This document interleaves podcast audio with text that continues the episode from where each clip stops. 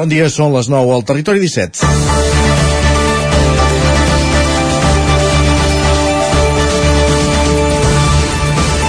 Quan es va posar en marxa la Facultat de Medicina de la Universitat de Vic, Universitat Central de Catalunya, al setembre de 2017, provisionalment a Can Bauman, l'objectiu era que la primera promoció ja pogués acabar la formació al campus de la salut prevista al Prat d'en Galliners.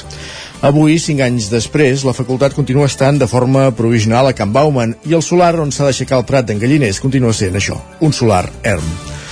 Per construir-hi aquest equipament, el 7 de desembre de 2016, el ple de l'Ajuntament de Vic va aprovar una modificació de l'aleshores vigent Pla General d'Urbanisme perquè en aquest espai de 15.000 metres quadrats, prop de l'Atlàntida i el riu Meder, s'hi pogués construir el nou equipament universitari. Ara bé, l'aprovació definitiva va ser l'abril del 2018, amb el nou POM ja aprovat inicialment. El debat que encalla el procediment de construcció se centra en quina normativa urbanística aplicar, l'anterior Pla General o el nou POUM, basat en la llei de l'habitatge de Catalunya creada l'any 2002. Aplicar una o altra llei té conseqüències, per exemple, en la reserva del 30% de sol per destinar a habitatge social. L'Ajuntament ha enviat tot d'informes a la Comissió d'Urbanisme de la Catalunya Central perquè un cop valorats prengui una decisió i el procés pugui continuar. Des de la universitat esperen que la situació es desencalli per poder iniciar la tramitació. Es preveia convocar un concurs d'idees per la redacció del projecte amb un cost que no baixaria dels 10 milions d'euros i fins i tot s'havia parlat de buscar la participació d'alguna empresa constructora disposada a participar en el finançament. De moment, però, tota aquesta operació està aturada. És dimecres, 16 de novembre de 2022. Comença el Territori 17 a la sintonia de Ràdio Cardedeu, Ona Codinenca, la veu de Sant Joan, Ràdio Vic, el 9 FM i també ja ho sabeu, ens podeu veure a través del 9 TV, Twitch i YouTube. Territori 17.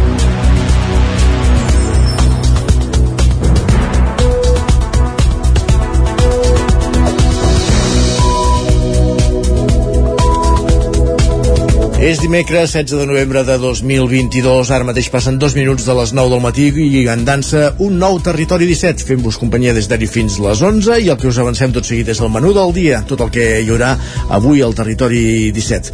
En aquesta primera mitja hora serà moment per l'actualitat, per posar-nos al dia amb les notícies més destacades de les nostres comarques, el Vallès Oriental, l'Osona, el Ripollès i el Moianès, Farem un cop d'ull també al temps, de la mà d'en Pep Acosta, des d'una codinenca, i anirem al quios per saber quines són les portades dels diaris d'avui. A dos quarts en punt passarem, com cada dia fem, per la R3, per la línia de tren, recollint les cròniques dels seus usuaris de la mà de l'Isaac muntades des de la veu de Sant Joan.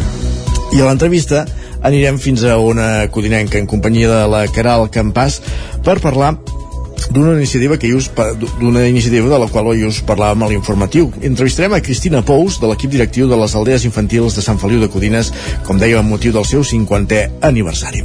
Això serà l'entrevista i tot seguit avui variarem una mica l'escaleta perquè després de l'entrevista ja anirem al Lletra Ferits, des de la veu de Sant Joan, per conversar amb Antoni Lázaro, autor de Refugis i Guardes, Refugis de Muntanya de Catalunya eh, serà en companyia de l'Isaac Muntades a la recta final d'aquesta primera hora abans d'arribar a les 10, moment en què ens posarem al dia amb les notícies més destacades de les nostres comarques, repassarem la previsió del temps i tot seguit saludarem una setmana més en Jordi Givert al territori sostenible. A la darrera mitja hora ens endinsarem a l'univers Twitter de la mà d'en Guillem Sánchez, com cada dia o no. Uh, tot seguit ens acompanyarà la Cristina Enfruns amb l'espai quinzenal de llengua i acabarem el programa doncs ja sabeu que el dimecres és el programa més literari de la setmana avui amb, el, amb un altre dels relats curts del Premi de Narrativa Curta i de fet avui ja escoltarem l'obra guanyadora d'aquesta sisena edició del Premi de Narrativa Curta La Gralla al 9-9 amb el suport de la, de la institució Puig Porret i avui, com dèiem, el guanyador d'aquest sisè concurs, Ombres Xineses de Teresa Martí Gaudes de Gurb. Això serà la recta final d'un territori 17 que ara comença.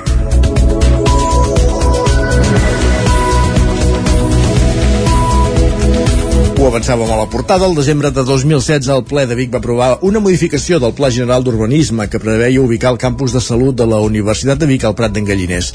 Vuit anys després, el projecte continua encallat. Dubtes que han sorgit sobre quina normativa urbanista cal aplicar aquell Pla General o el POU aprovat inicialment l'any 2018. Sergi Vives. En un solar de 15.000 metres quadrats situat entre l'Atlàntida i l'edifici de les Germanetes dels Pobres, amb accés al carrer Prat d'en Galliners de Vic, és on des de fa anys s'hi projecta el nou campus de salut de la Universitat de Vic, un procediment que s'ha encallat pels dubtes que han sorgit sobre quina normativa urbanística cal aplicar en el projecte.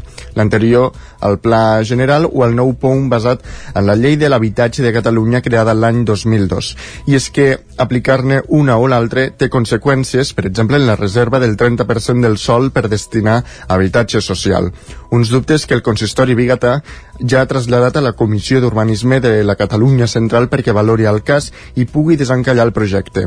El passat mes de maig, coincidint amb la seva jubilació, l'exdirector de la Fundació Urban Universitària Balmes, Joan Turró, ja assegurava que el procediment anava més lent del previst. Confia, però, que en els propers mesos pugui desencallar-se. Bueno, aquest és un dels projectes que el deixo mm, ni començat eh? I, i ho lamento eh? que és un projecte que, que hem dedicat molts esforços que és un projecte estratègic molt important per la universitat i que per qüestions externes a la universitat doncs, eh, s'ha anat atrasant bé, qüestions purament administratives eh?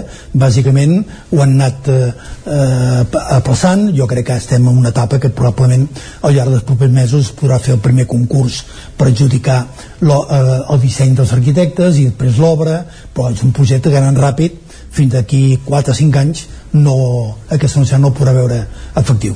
Aquest solar hauria d'acollir la Facultat de Medicina, que actualment és a Can Bauman, i també els estudis de salut que ara es troben al campus de Miramarges, infermeria, fisioteràpia, nutrició i teràpia ocupacional és un projecte molt important no només perquè l'àmbit de ciència de salut eh, és un àmbit de molt futur i, i que tindrà molt, molta rellevància en aquesta universitat, està clar, sinó també perquè el fet de crear un campus de ciència de salut potent permetria o permetrà alliberar espais en el campus de Miramarges.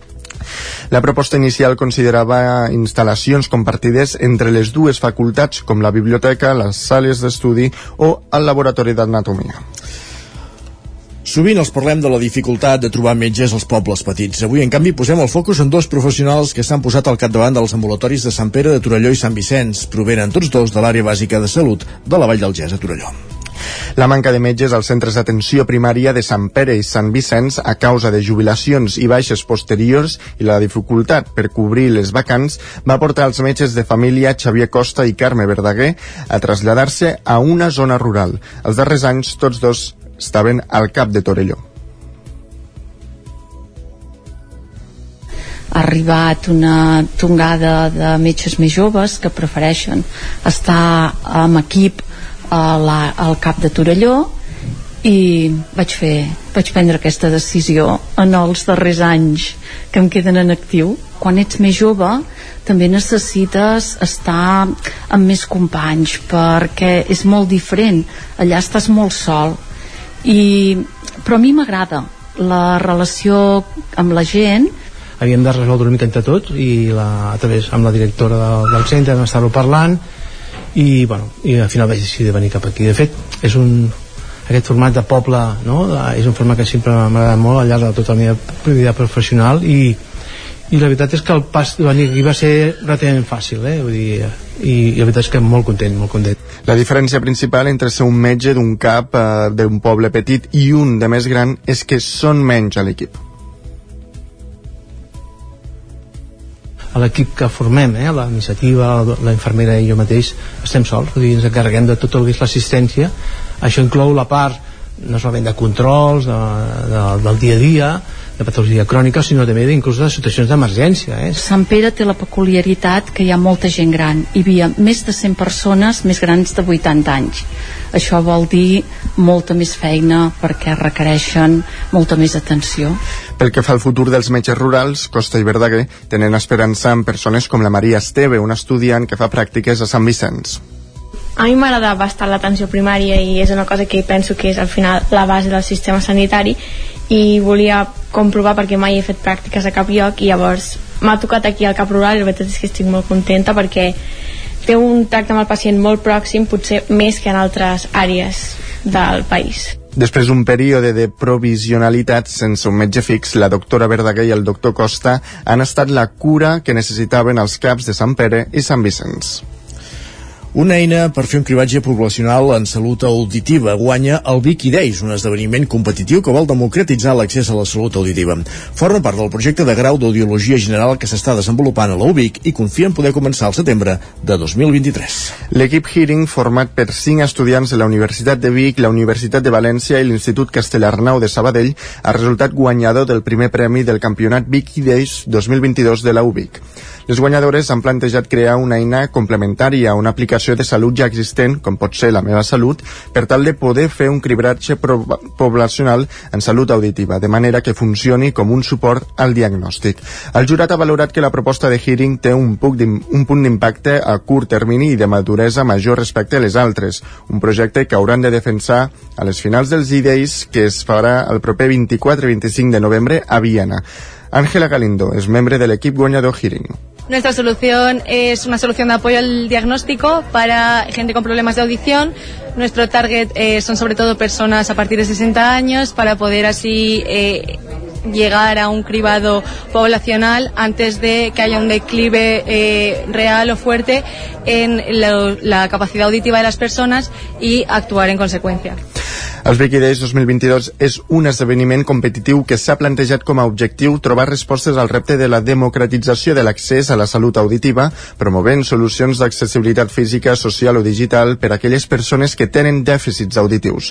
Manu Vidal és secretari tècnic del projecte de desenvolupament del grau d'Audiologia General.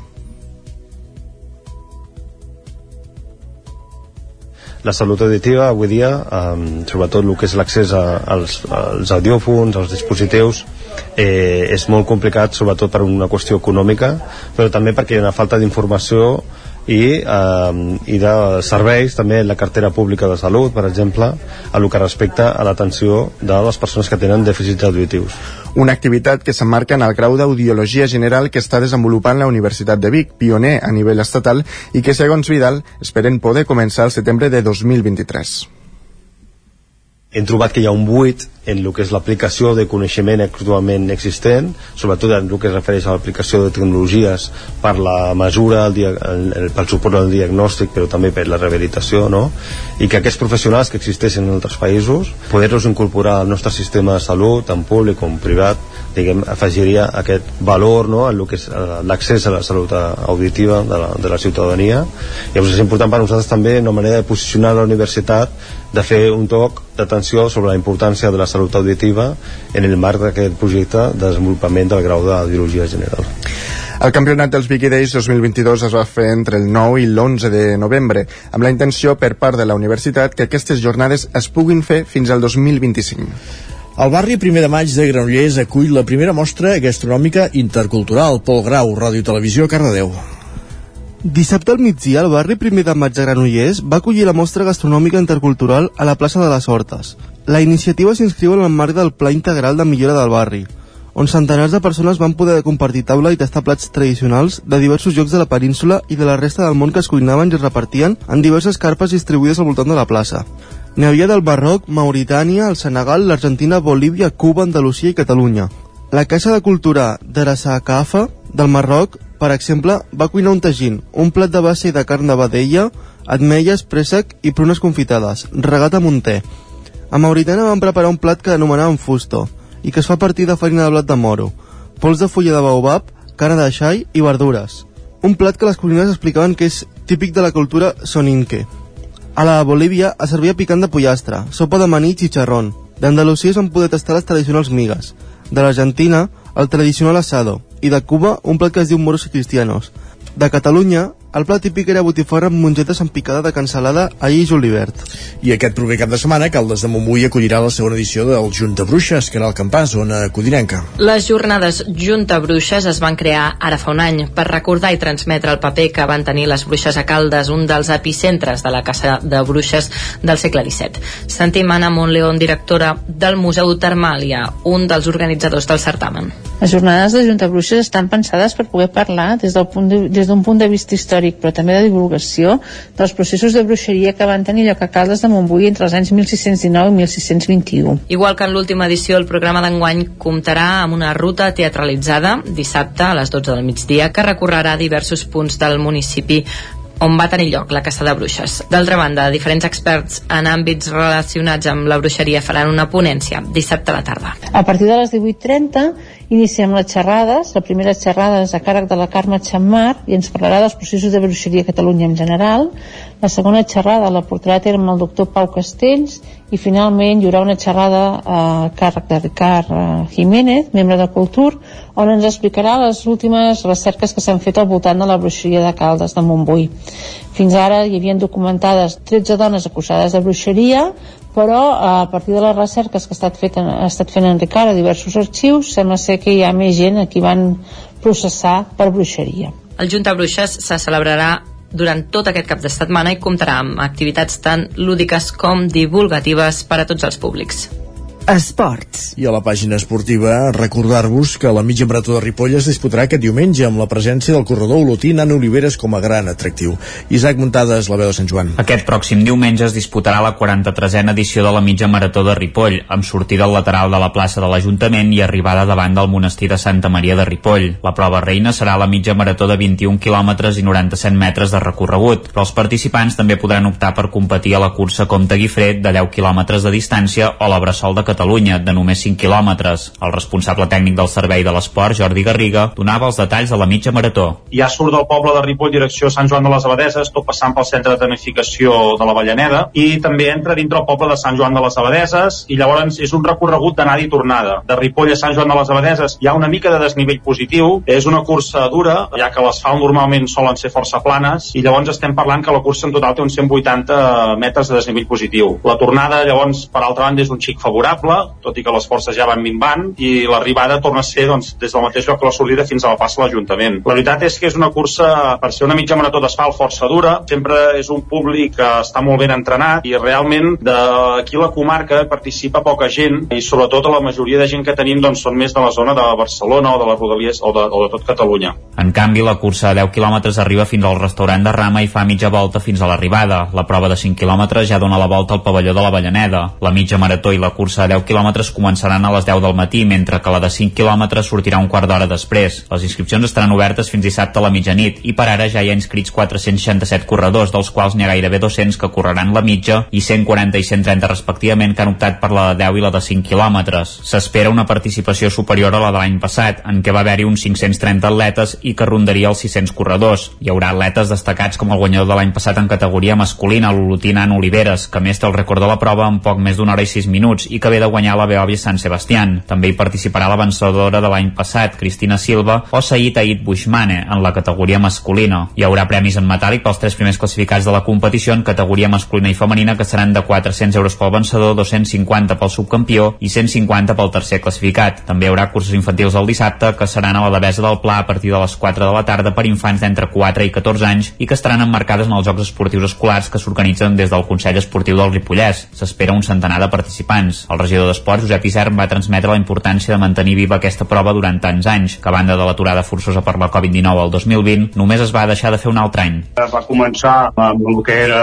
Esport i Salut, que era una entitat que hi havia aquí a Ripoll que feia doncs, diferents coses a nivell de gimnàsia i de competicions, que estava regentat per, per en Ricard Traver i l'Antònia Borniol i que doncs, bueno, ells fins al 2003 es va doncs, fer, el, el van organitzar ells. Partir del 2003 ells se'ls hi va complicar una mica amb, el tema logístic de, de tallar carreteres i tot això i van decidir que ja havia arribat el moment doncs, de deixar-ho estar. Llavors aquí hi va haver un buit d'un any que es va fer un, una caminada al carrer per anar a Sant Joan i tornar a venir. Llavors a partir del 2004 l'Ajuntament va dir home, la prova més emblemàtica que tenim a Ripoll l'hem de continuar L'Ajuntament va assumir la direcció de la cursa i compta amb una cinquantena de voluntaris per fer-la possible. Enguany, com a novetat, hi haurà un espai d'animació al restaurant de Rama amb un dijoc i una batucada.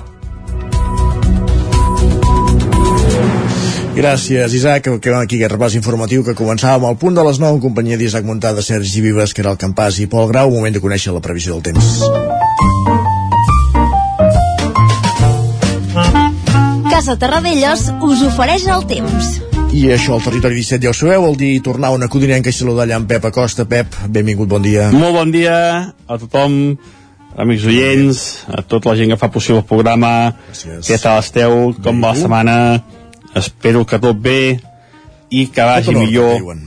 que el que va el temps, eh? perquè això és un desastre. Absolut. Uh, unes temperatures mínimes altíssimes, molt més altes del que hauria de ser normal per aquestes èpoques. Uh, és que ja no... No vull repetir-ho més, però és que és inevitable, no? És que, és que s'ha de dir. Vull dir, és que no, no, no es pot dir cap altra cosa que, que no sigui això, eh? Que unes temperatures altíssimes i un ambient del tot inacceptable, inacceptable per aquestes dates de, de l'any, eh? Un, un panorama molt, molt, molt negre. Uh, com deia, temperatures entre els 10 i els 15 graus de mínima en moltes poblacions, entre 10 i 15 ja a la segona meitat de novembre uh, no sé, no sé què està passant però la temperatura és altíssima. Uh, només ha baixat una mica el Pirineu que fa una mica de fred però molt poca cosa.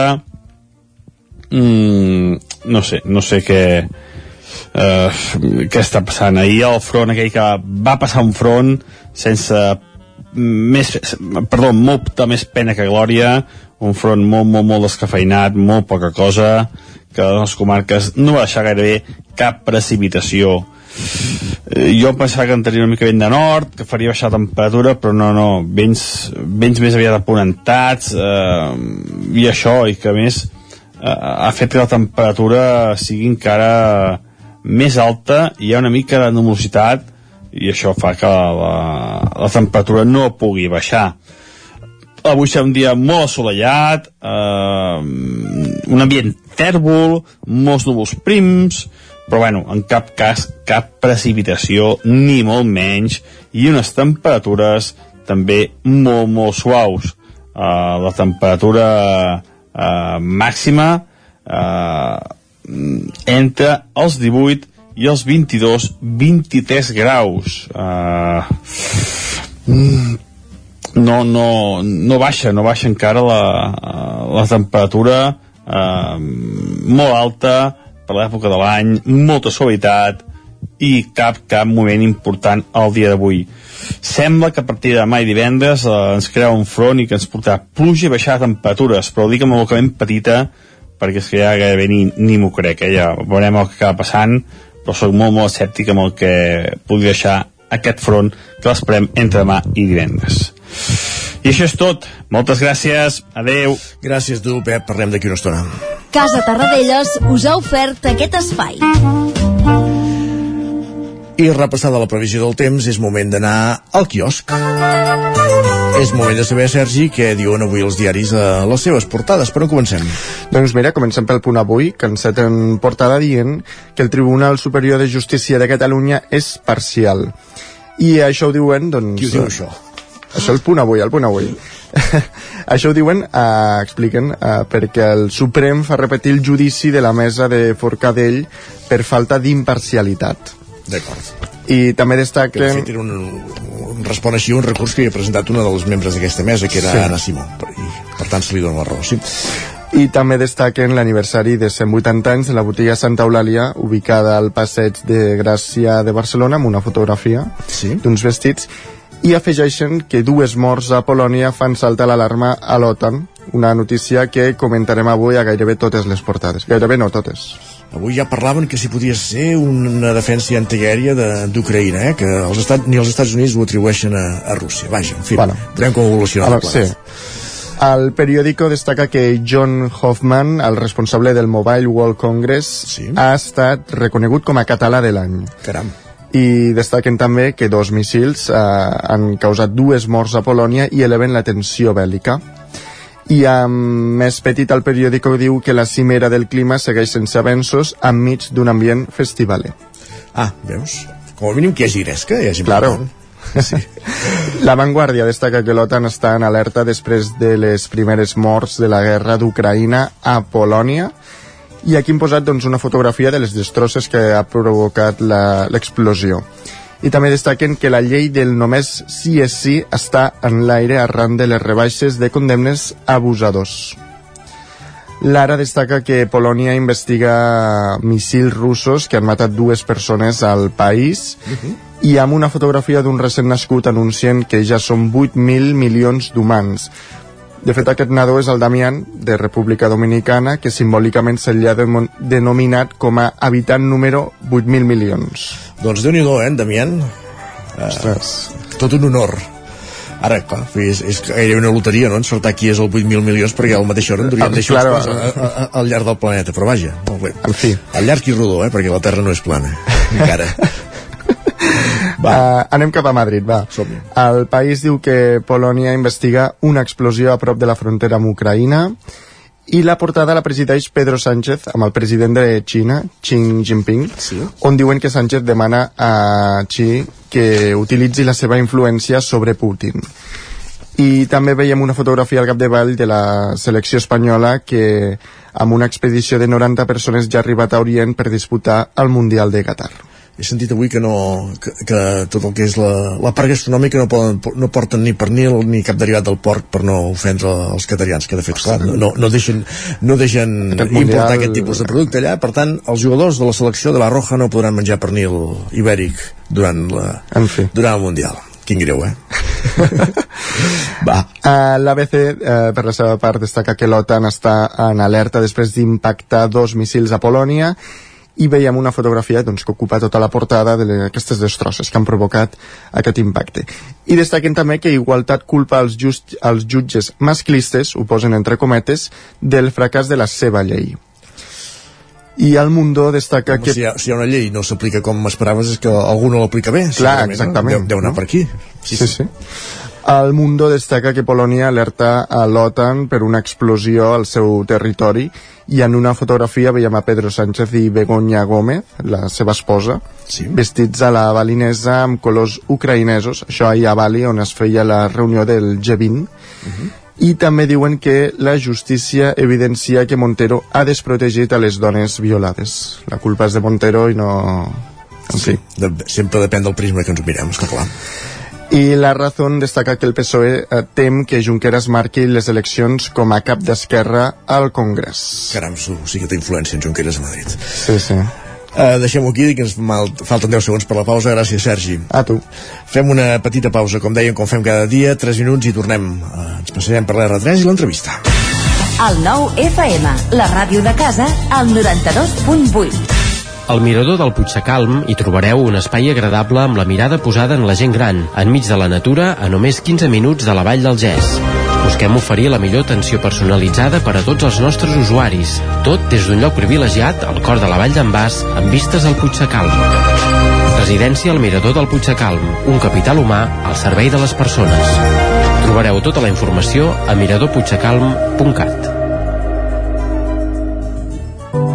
Cobertes serveis funeraris. Els nostres tanatoris estan ubicats en els nuclis urbans més poblats de la comarca d'Osona per oferir un millor servei. Tanatori de Vic, Tanatori de Manlleu, Tanatori de Centelles i Tanatori de Roda de Ter. Sabem que són moments difícils i per això el nostre compromís és atendre-us en tot moment amb un tracte humà, sensible i respectuós. Cobertes serveis funeraris. Telèfon 24 hores 93 883 23 46. Has esperat que arribi el fred per comprovar si et funciona bé la caldera? No pateixis, a Casa Jové som especialistes en manteniment, reparació i revisió d'equips d'aigua calenta i calefacció, tant en l'ambient domèstic com industrial. Si tens una avaria, no ho dubtis. Som Casa Jové. Ens trobaràs al carrer Girona, número 9 de Vic, i al telèfon 93 886 1596. Casa Jové, el teu servei tècnic de confiança. Fa dos anys, el nostre món es va buidar i avui els plats de moltes famílies segueixen buits. Per això aquest any tornem a omplir-nos. Els dies 25 i 26 de novembre Suma't al voluntariat. Omplim les caixes de solidaritat. Omplim el banc dels aliments. Registra't a granrecapta.com. Ajudar a omple. Amb Pradell estalvio energia i cuido la meva butxaca i el medi ambient. Posa't en mans a Pradell, són experts en calderes de gas i condensació, estufes de pèl·let, energia solar, terres radiants i geotèrmia. Pradell instal·la calderes de biomassa per a particulars i per a empreses. Si vols estalviar un 50% en consum, contacta amb Pradell i passa't a les energies renovables. Pradell som a l'Avinguda Països Catalans 27 de Vic. Telèfon 93 885 1197. Pradell.cat. Cocodril Club. Si t'agrada la bona música dels anys 60, 70 i 80, escolta el 9 FM als matins de dissabtes i diumenges d'11 a 1.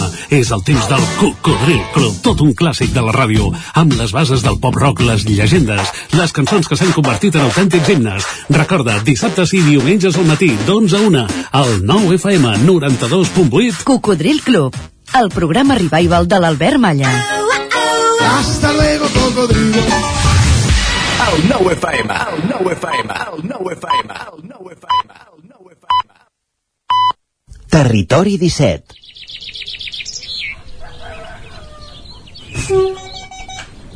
A Tren d'Alba.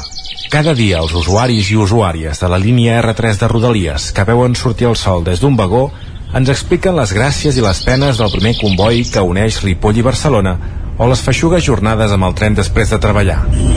Benvinguts a Tren d'Alba. Com que no sempre tot és culpa de Renfe, avui li vull retreure un comportament a alguns viatgers que es pensen que el tren és com el sofà de casa, en què poden anar estirats sense cap inconvenient. L'usuari de Twitter Gatito Copito comparteix la fotografia d'una noia morena força jove vestida amb un xandall negre i que porta ulleres de sol que posa els peus sobre del seient de davant i que, més, no es treu ni les sabates, que són força altes. El comportament és reprovable i la noia no ho hauria de fer. També és veritat que no cal fer de policies del tren i fotografiar a tothom que cometi una lleu infracció i denunciar-ho a través de les xarxes. Potser hagués estat més adequat alertar el revisor, perquè jo n'he vist que renyen a la gent per això. En fi, us deixo amb la crònica d'en Carles Bassaganya d'avui. Bon dia. Des d'aquesta setmana passada hem tingut la sorpresa que tenim els que agafem el tren des de l'estació de Ripoll, en concret el tren de les 7 i 11 minuts, la sorpresa que finalment ja no és un tren curt, del lloc que podem anomenar-ne curt, que serien els de 3 vagons, sinó que és un tren doble, o sigui, dos trens afegits, 6 vagons. Això em fa pensar que una mica els usuaris de la Renfe, i en concret de la Rodalies 3, ens convertim una mica en allò dels arquitectes sense fronteres. Eh, de vegades eh, a les obres públiques hi ha tota una sèrie de gent que està al costat, que es dedica a opinar de l'execució d'aquella obra que s'està fent. En molts casos ho associem a gent jubilada o gent que té temps per precisament fer el badoc i mirar les obres. I fer-hi, insisteixo, comentaris eh, moltes vegades des de la ignorància o sense el coneixement del projecte executiu d'aquella obra que es fa. Els usuaris de la Renfe i de Rodalies 3 una mica fem el mateix. Ens eh, aventurem, ja feia mesos que ho dèiem, de dir no té massa sentit que trens que a partir de doncs, a Manlleu o fins i tot a Vic o a la Garriga anant cap a Barcelona estan replets de gent i amb, moltes vegades amb conflictes a l'hora fins i tot de poder entrar no s'agafin convois que siguin en més vagons i aprenem a utilitzar paraules doncs que són més lògiques de, tècnics de mobilitat de Renfe i de DIF que dels propis viatgers per exemple no en teníem i aquí és la sorpresa d'aquesta darrera setmana com els trens no tenien una composició doble que és com es veu que es diu el fet de sumar dos convois de tren. En tot cas, i més enllà de l'anècdota, estem contents perquè podem finalment seure i no eh, es converteix en un conflicte el fet que pugi gent i fins i tot de vegades gent gran o gent que encara no sent gran necessita seure i no se li pot donar lloc. Ja veieu, una mica els viatgers de Rodalies 3 no som arquitectes sense fronteres, sinó que som viatgers sense fronteres, o de fet sí, amb la frontera de la Renfe. Res, Bon tren i bon dia.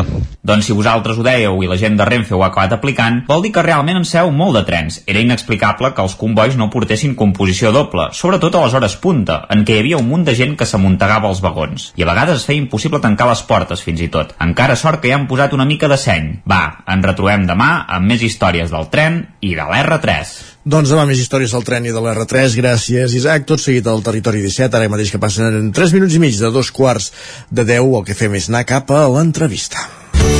Territori 17. Envia'ns les teves notes de veu per WhatsApp al 646 079 023. 646 079 023. WhatsApp Territori 17.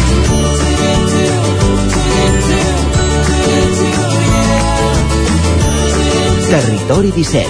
Som a Facebook, Twitter i Instagram amb l'usuari Territori 17.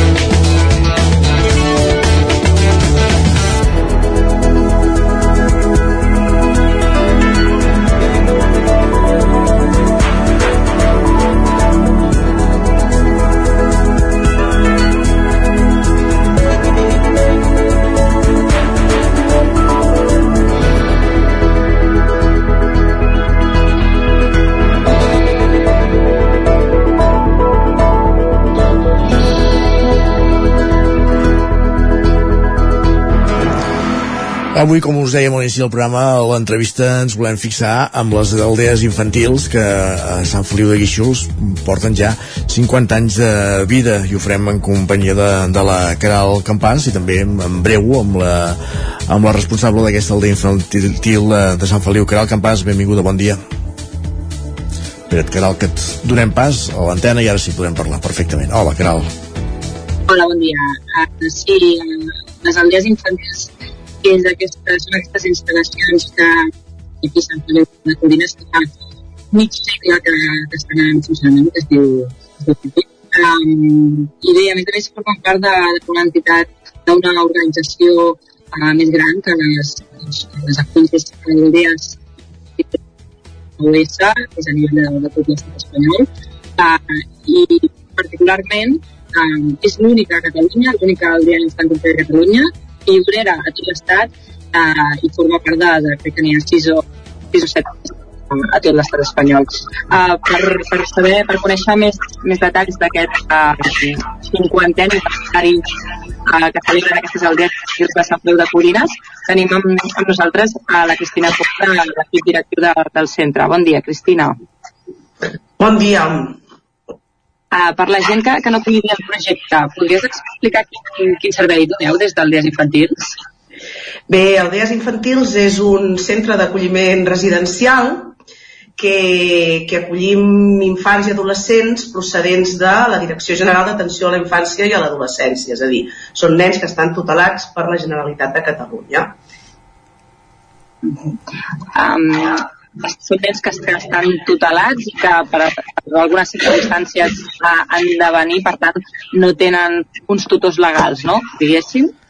A veure, la, són, són nens i nenes que el, el, el seu tutor legal és la Generalitat i nosaltres en tenim la, la guarda, és a dir, nosaltres fem les funcions de la família, els acollim doncs, en una llar i fem doncs, la, la, la funció que faria doncs, qualsevol família evidentment diferent perquè no, no són pares ni mares sinó educadors socials i els nens i nenes conviuen amb altres nens i nenes en la seva mateixa situació. Uh -huh. uh, per, per, perdó, Isaac. Eh, per tant, um, aquí a, a Sant Feliu de Codines teniu relació, entenc, amb escoles i entitats uh, de la vila també per teixir sinergies, no?, amb aquests infants i joves, també? Sí, els, els nostres infants i adolescents diguem que, que fan la vida doncs, de qualsevol nen i nena, no? Llavors doncs, van a les escoles, als instituts, fan ús de, dels serveis, activitats extraescolars, Llavors la, la majoria, doncs, per proximitat, van a escoles i instituts, a les escoles i instituts de Sant Feliu i també a les activitats de Sant Feliu. Llavors, bueno, evidentment sí que, que hi ha una relació molt bona, diguem-ne, professional, però, però més enllà, no? perquè són, són nens i nenes que provenen de problemàtiques complicades, complexes, i, i clar, necessitem professionals al costat doncs, que, que tinguin aquest plus no? d'implicació. I a Sant Feliu ho hem trobat. Uh, teniu una organització que fa de paraigües que és Aldeas Infantiles SOS diguéssim, com és l'estructura, com és l'organització amb, amb, amb la que vosaltres esteu integrats? A veure, el Dies Infantils és una, una organització que està present a tot el món, eh, és una organització d'àmbit internacional i eh, aquí a l'estat espanyol, diguem-ne que, que tenim diguem, el paraigües, com bé dius, d'Aldees Infantils SOS Espanya, que a nivell pedagògic, metodològic, és el, el, eh, seguim la mateixa estructura, totes les aldees del territori espanyol, i a nivell legal, jurídic, a Catalunya tenim la, la Fundació Aldees Infantils SOS de Catalunya.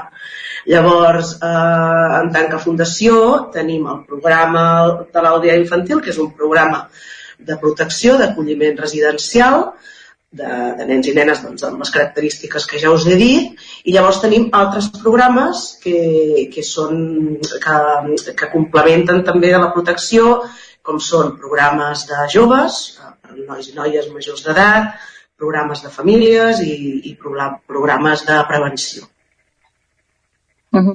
uh, aquest divendres va organitzar un acte institucional de commemoració a porta tancada. Quin era l'objectiu principal no, d'aquesta proposta? A veure, l'objectiu era que en primer lloc fa 50 anys, 50 anys que l'aldea infantil doncs, va, va obrir-se a Sant Feliu de, Catalunya, Sant Feliu de Codines, diguem que va ser la primera aldea que hi va haver a tot l'estat espanyol, l'aldea de Sant Feliu, i clar, això doncs, és, és digne de celebració. I en segon, en segon lloc, doncs, perquè volíem, volíem enfocar eh, una, un acte que, que agraís a la població de Sant Feliu de Codines doncs, la seva acollida durant tots aquests anys. Llavors volíem que estés present l'Ajuntament, volia que estés present, volíem que estessin presents les escoles, els instituts i també volíem que estessin presents les entitats, perquè nosaltres hem, hem percebut sempre que, que hi ha hagut doncs això, un clima de molta, de molta ajuda mútua entre nosaltres i de tots els actes que hem fet, perquè en farem més, un el volíem dedicar doncs, això, a, la, a, la, a la població de Sant Feliu. En aquest acte hi van assistir també alguns antics usuaris.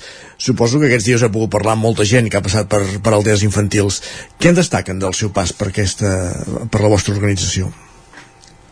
Mira, doncs és, és molt emocionant això, eh? perquè és veritat que nosaltres com a professionals el que volem donar és, és aquest, acolliment, aquest, eh, aquest aixopluc, aquest, eh, aquest vincle, no? Bàsicament vincle, aquesta seria la paraula. I sí que ells, els, els joves amb els que parlem, han percebut aquest, aquest vincle.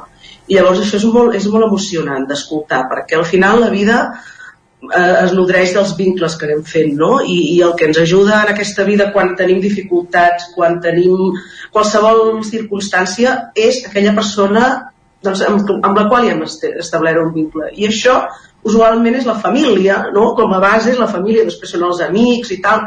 Nosaltres, com en aquests 50 anys, doncs hem actuat com a família. I això ho copsem, i és, és bonic, eh? Uh -huh. Uh -huh. Ara parlaves de, de que teniu altres uh, propostes no pensades per, per aquests dies. De fet, um, aquest dissabte teniu, en teniu una de grossa, no? Que, en què consistirà l'acte de dissabte? Sí. Mira, el dissabte començarem a les 10 del matí primer en, amb un reconeixement a la Montserrat Andreu. La Montserrat Andreu va ser la dona que va eh, crear l'aldea infantil. Ella era una, una treballadora social que tenia inquietuds amb la infància. Fa 50 anys estàvem parlant d'orfenats, de grans institucions. Ella es va, va viatjar per Europa, va conèixer el Hermann Meiner, que era la persona que, que havia creat la, la, les aldees, a Àustria i va decidir portar-ho aquí. I, i bé, des, després de tot de buscar diferents ubicacions, doncs va donar amb Sant Feliu de Codines i això farem doncs, un reconeixement, farem una, una plaqueta aquí a l'aldea, un raconet de l'aldea i això serà un acte doncs, doncs, per les persones que la van conèixer, per les persones nostres, no? de les persones que estem actualment treballant. Després, paral·lelament, a partir de les 11, volem fer un altre acte al poble doncs, familiar aquest cop, amb un, amb un animador conegut nostre que, que està en una ONG que es diu Somriures Nòmades, amb la col·laboració de la colla gegantera de Sant Feliu, amb una xocolatada també, i això serà doncs, al poble de, a partir de les 11, dos quarts de 12. I després, finalment, ens trobarem a, a l'urbanització El Racó del Bosc per fer un dinar, plegats i plegades, que al final tot, tot s'acaba celebrant amb dinars. Llavors, amb menjars, doncs farem un àpat en la qual hem, serem prop, a prop de 200 persones, perquè hem convidat a, a totes les persones que han passat durant aquests 50 anys, tant, tant homes i dones, que ja, ja són homes i dones, com antics treballadors, com les, els nens i nenes que estan actualment a l'aldea, farem tots una, un, un dinar. Uh -huh. I aquí hi ha això serà dissabte en el marc d'aquests 50 anys de, de la presència d'aldees infantils a, a Sant Feliu de Codines. Hem parlat amb la Cristina Pous de l'equip directiu d'aquest centre. A quants usuaris doneu servei ara mateix, Cristina, just per acabar? 45. 45. Som, som 45 places conveniades amb la Generalitat de Catalunya. Perfecte. Doncs felicitats per aquests 50 anys i que siguin molts més de, per fent aquesta, per fent aquesta tasca ingent. Moltíssimes gràcies per atendre'ns. A vosaltres. Moltes bon gràcies. Bon dia. Bon dia. Gràcies també, Caral. Parlem més tard. Merci. ara. Parlem. I avancem al territori 17. Acabada l'entrevista, el que fem tot seguit és parlar de llibres. Anem cap al Lletra Ferits. Territori 17, el 9 FM, la veu de Sant Joan, Ona Codinenca, Ràdio Cardedeu, Territori 17. Territori Com dèiem, els dimecres al Territori 17 és el dia més literari del programa, no hi ha dubte, i una de les seccions que fem sempre és el Lletra Ferits. Avui, però, l'avancem una estona, l'avancem, de fet, una horeta, per parlar d'un llibre que ens introdueix tot seguit l'Isaac Contades des de la veu de Sant Joan. Isaac, benvingut, bon dia. Bon dia, Isaac. Doncs sí, i primer de tot em toca presentar-vos abans d'explicar-vos de, de quin llibre parlarem, el convidat d'avui, que és l'Antoni Lázaro. Eh, per dir-vos alguna cosa, ell va néixer a Barcelona l'any 1948 i des dels 6 anys doncs, ja comença a conèixer la muntanya de la mà del seu pare, l'Agustí Lázaro, que és, era membre de, del Club Muntanyenc Barcelonès i actiu pirineïsta i de jove en acabar els estudis d'aparellador eh, Antoni Lázaro entra al grup de muntanya Gelera, lloc on troba la seva actual dona, la Joana Llobera també dins la secció de muntanya organitza els, curs, els cursets d'iniciació a, a la muntanya. El Gelera es dissol més endavant i per proximitat amb les seves arrels doncs, entra a formar part de, del GEC, el grup excursionista de, de Can de Bànol, en el qual encara doncs, milita i forma part de, de la seva junta. Ja veieu que és tot molt muntanyenc i avui parlarem del llibre que ha escrit titulat Refugis i guardes, refugis de muntanya de Catalunya. Bon dia, Antoni, moltes gràcies per ser avui amb nosaltres. Bon dia a tots. Antoni, per començar, aquest és un llibre que, que neix una mica de la televisió, no? No sé d'on sorgeix aquesta idea i a més veiem que l'equip que l'ha fet possible eh, t'han ajudat bastanta gent també de, en aquest programa, està compost per una desena de persones, no? Sí, aquest llibre va sortir de la idea del Joan Quintana, que és un, un noi que jo el vaig conèixer en 14 anys en el, precisament al Gelera, va venir allà, va formar part doncs, de, dels cursets que feien d'inici a la muntanya, i més tard doncs, ha estat dels primers eh, escaladors amb gel de Catalunya. Eh, ens vam retrobar doncs, l'any 2013 o 14 i aleshores eh, ell va ter una petita productora i tenia la idea doncs, de fer aquesta, aquesta producció per televisió de 17 eh, refugis, que eren 14, 13, perdó, de la Federació i 4 del SEC. Aleshores em va dir, escolta, això t'agradaria tal? I jo, clar, doncs, eh, si em parlen de muntanya m'hi apunto al moment i juntament amb una sèrie, tot, era una colla d'amics, uns eh, portaven la càmera, els altres eh, fèiem doncs, de transportistes, de, de tot plegat, i amb això vam fer, eh, vam aconseguir fer aquests 17 capítols amb, amb un any, des de l'octubre del 2018 fins a l'octubre del 2019. Ens vam posar aquesta fita i el vam aconseguir-la fer. I a partir d'aquí, doncs mira, a partir d'això ha sortit després el llibre. Abans de parlar del llibre, eh, la podem recuperar aquesta sèrie o no es pot veure? Sí, aquesta sèrie, cap problema, la podeu veure, entreu a Televisió de Catalunya, TV3 a la carta, uh -huh. poses refugis i guardes i et surten els 17 capítols. Cap problema. Molt bé.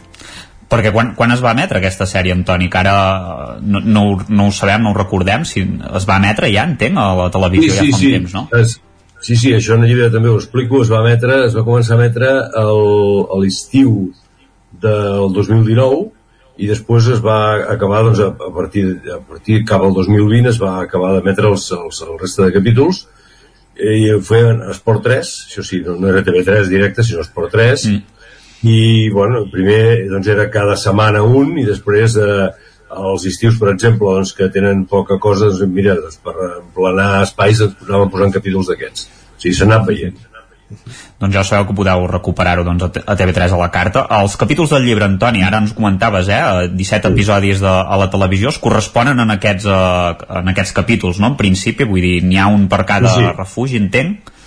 Està posat, un per cada refugi, estan posats cronològicament tal com es van filmar, les dates que van filmar, i, i són els 17, o sigui, vam començar, si no recordo malament, pel Estassen, que és el del Pedraforca, anar seguint pel Vall Ferrera, bueno, te els diria tots, si vols te, te, te llegeixo en ordre, però eh, estan els 17 amb el mateix ordre cronològic.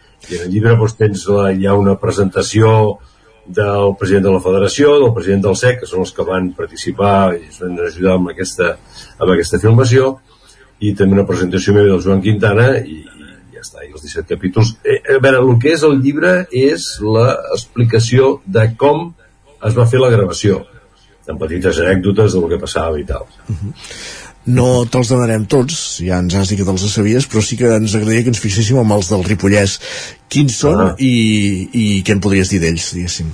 Bé, mira, del Ripollès en tenim, jo crec que dos, em sembla que són el Ripollès els dos, el d'Ull de Ter, sí. això sembla que Ripollès, i el de Coma de Vaca. Correcte. Si parlem del, el d'Ull de Ter, cosa que em vaig assabentar l'altre dia, que no sabia abans, doncs eh, resulta que tenim una anècdota important que el, el, el senyor que es deia, espera que et dic el nom exacte, es deia Llorenç Virba i Cordomí, que era l'any 1910 va, va fundar la, les galetes Virba, doncs el, el SEC en el seu dia, bueno, ja en, quan va fer de les galetes resulta que en les capses de les galetes antigues i, i, a, i a molts envoltoris surt el refugi antic d'Ull de Ter que es va fer a prop d'on comença el riu Ter, més amunt del que hi ha ara actual aquell refugi, pel que sigui, perquè els materials no eren adequats, es va inclús a posar eh, el quitrà a sobre per evitar que hi haguessin goteres, però amb tot plegat i la guerra de per mig es va malmetre i aleshores van fer després el nou i en el nou el van, el van demanar els del SEC, que ell era també eh, formava part del Cens Crucis de Catalunya, li van demanar que formés part de, de la gent que vigilava que allò es fes correctament. O sigui que fins tu que jo no ho sabia, vaig assabentar l'altre dia que el senyor Virba doncs, havia estat eh, present en aquesta història. El, el, el actual refugi Ull de Ter doncs, està molt bé, està situat eh, una mica més que l'altre, però està just a sota de totes les canals que ha del Gradafàjol, per escalar amb gel a l'hivern i la gent hi va bastant. També hi ha una pista d'esquí de les de Vallcer que de baixada passa per allà davant. Uh -huh. A l'altra, Coma de Vaca. Coma de Vaca eh, està a la, a la capçalera del, del riu Freser uh -huh. I eh, s'hi accedeix des de, a peu des de la Carals. central de Daió. Exacte, sí. De Carals, sí, la central de. Tens unes 3 horetes per pujar-hi. A l'hivern mm. s'ha d'anar molt al tanto perquè hi ha hagut accidents, perquè passes per uns llocs amb molt de gel i és un refugi que eh, al principi era de Fexa el van fent allà perquè els enginyers que hi ha el camí dels enginyers que va des de Núria fins allà volien fer allà una presa però al final això doncs, va quedar en res i va quedar el refugi allà aleshores es feia servir el refugi lliure s'utilitzava però era res, una barraca Fexa va cedir-ho a la federació i la federació eh, a l'any espera't que ara no me'n recordo l'any l'any tenia apuntat per un post eh?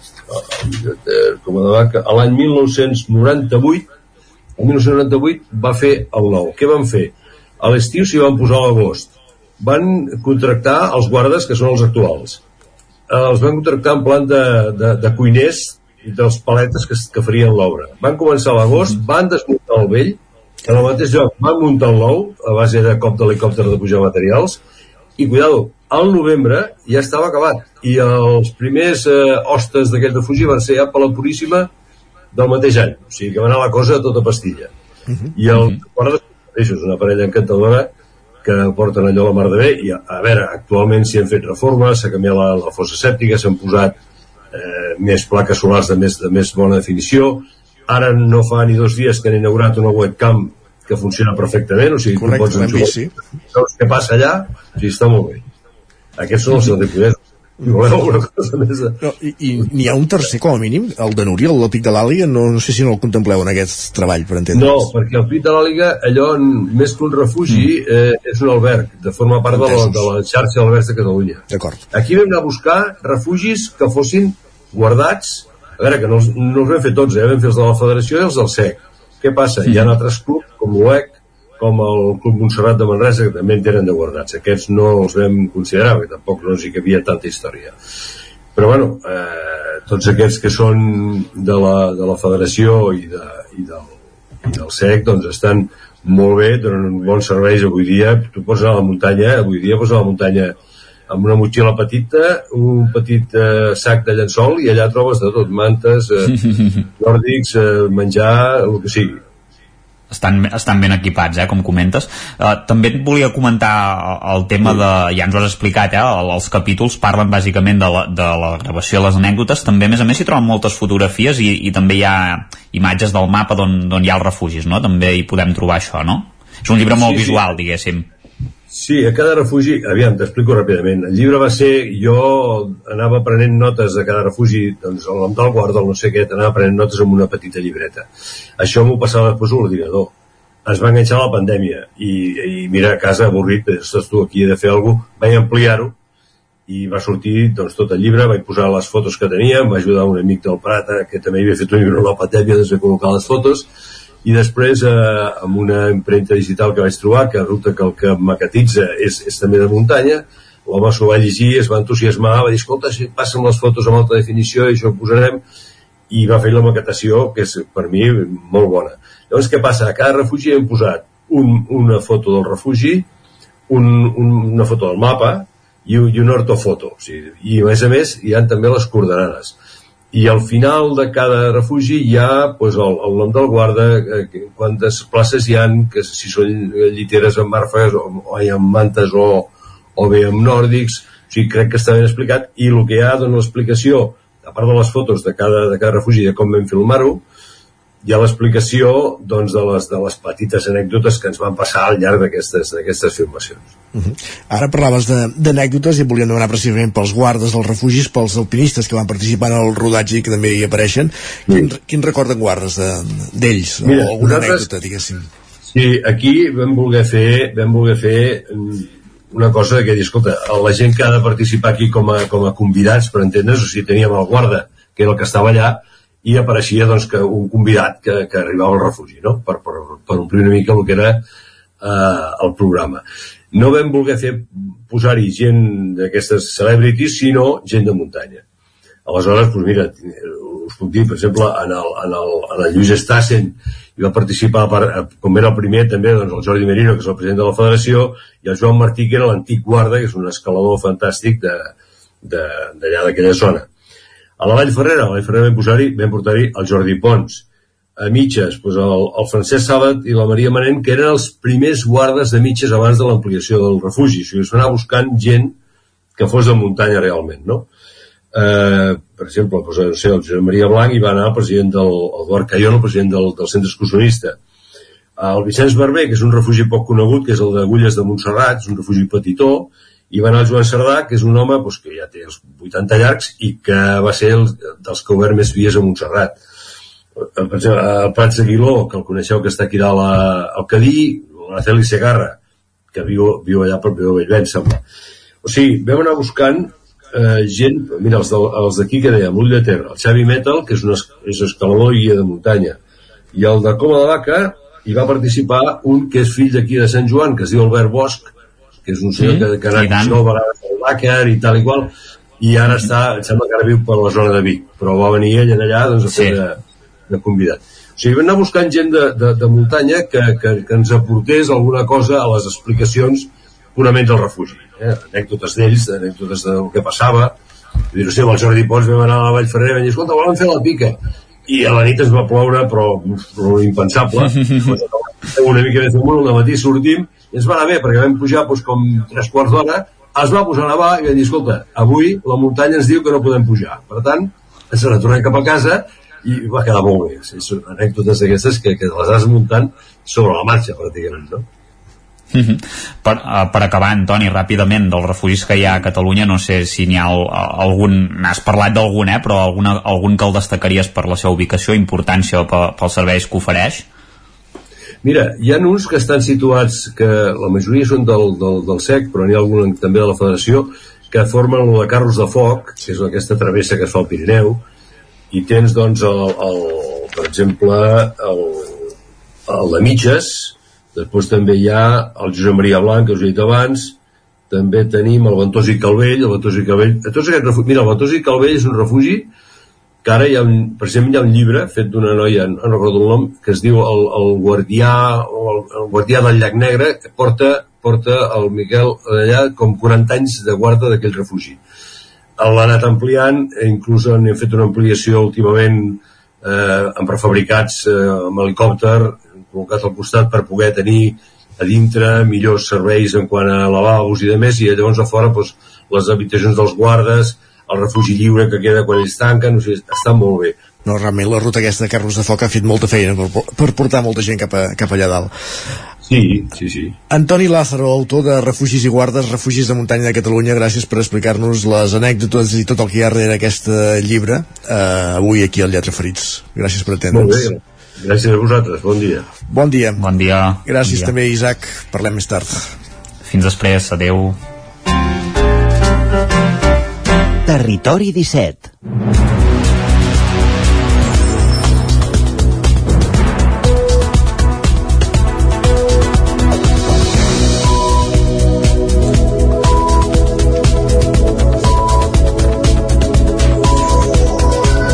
I després del Lletra Ferits és moment de posar-nos al dia d'actualitzar-nos amb les notícies més destacades de les nostres comarques. Ho fem en connexió, com sempre, amb les diferents emissores que dia a dia fan possible aquest programa. Una a la veu de Sant Joan, Ràdio Cardedeu, Ràdio Vic. Al 9FM ens podeu veure també a través del 9TV, Twitch i de YouTube. És el magazín El Territori 17 de les comarques del Vallès Oriental, l'Osona, el Ripollès i el Moianès.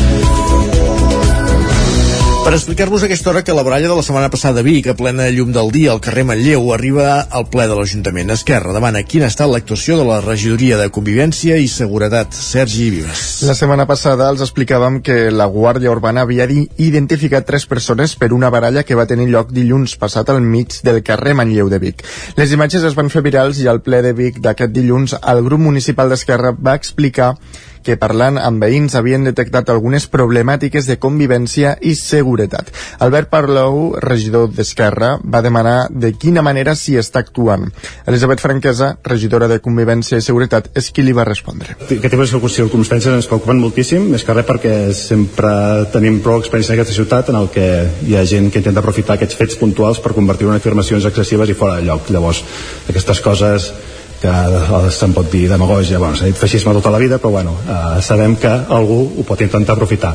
Són persones que s'hi està treballant, són persones amb molts problemes personals, amb moltes addiccions a sobre, llavors policialment es fa el recorregut que, que pertoca, evidentment, però també a nivell humà eh, i d'acompanyament eh, s'està intentant treballar amb aquestes persones amb tota la dificultat que, que això comporta. És un tema de, de passar comptes d'unes situacions doncs, poc fortuïdes, en una situació també molt poc fortuïda, però també cal dir que policialment no són eh, no és una situació greu, eh? no es poden qualificar els fets de greus perquè no hi va haver-hi arma blanca. Va existir un paraigües, va existir una porra extensible, eh, flonja, per tant no és considerat uns elements de, de, de fets greus. Recordem que l'Ajuntament de Vic va condemnar el moment els fets a través de les xarxes socials i va anunciar tolerància zero davant d'actuacions violentes com aquestes. Representants de la xarxa espanyola de ciutats interculturals, la RECI, han visitat Manlleu, que s'hi acaba d'adherir per conèixer la ciutat i les accions interculturals que s'hi porten a terme. Es van reunir dilluns amb tècnics, entitats i càrrecs electes de la ciutat, Sergi. En el ple de mes de juliol, l'Ajuntament de Manlleu va aprovar l'adhesió a la xarxa espanyola de ciutats intercultu interculturals, la RECI. Es tracta d'una agrupació que va néixer el 2011 impulsada pel Consell Europeu en el marc del programa Intercultural Cities. Àlex Garridos, l'alcalde de Manlleu.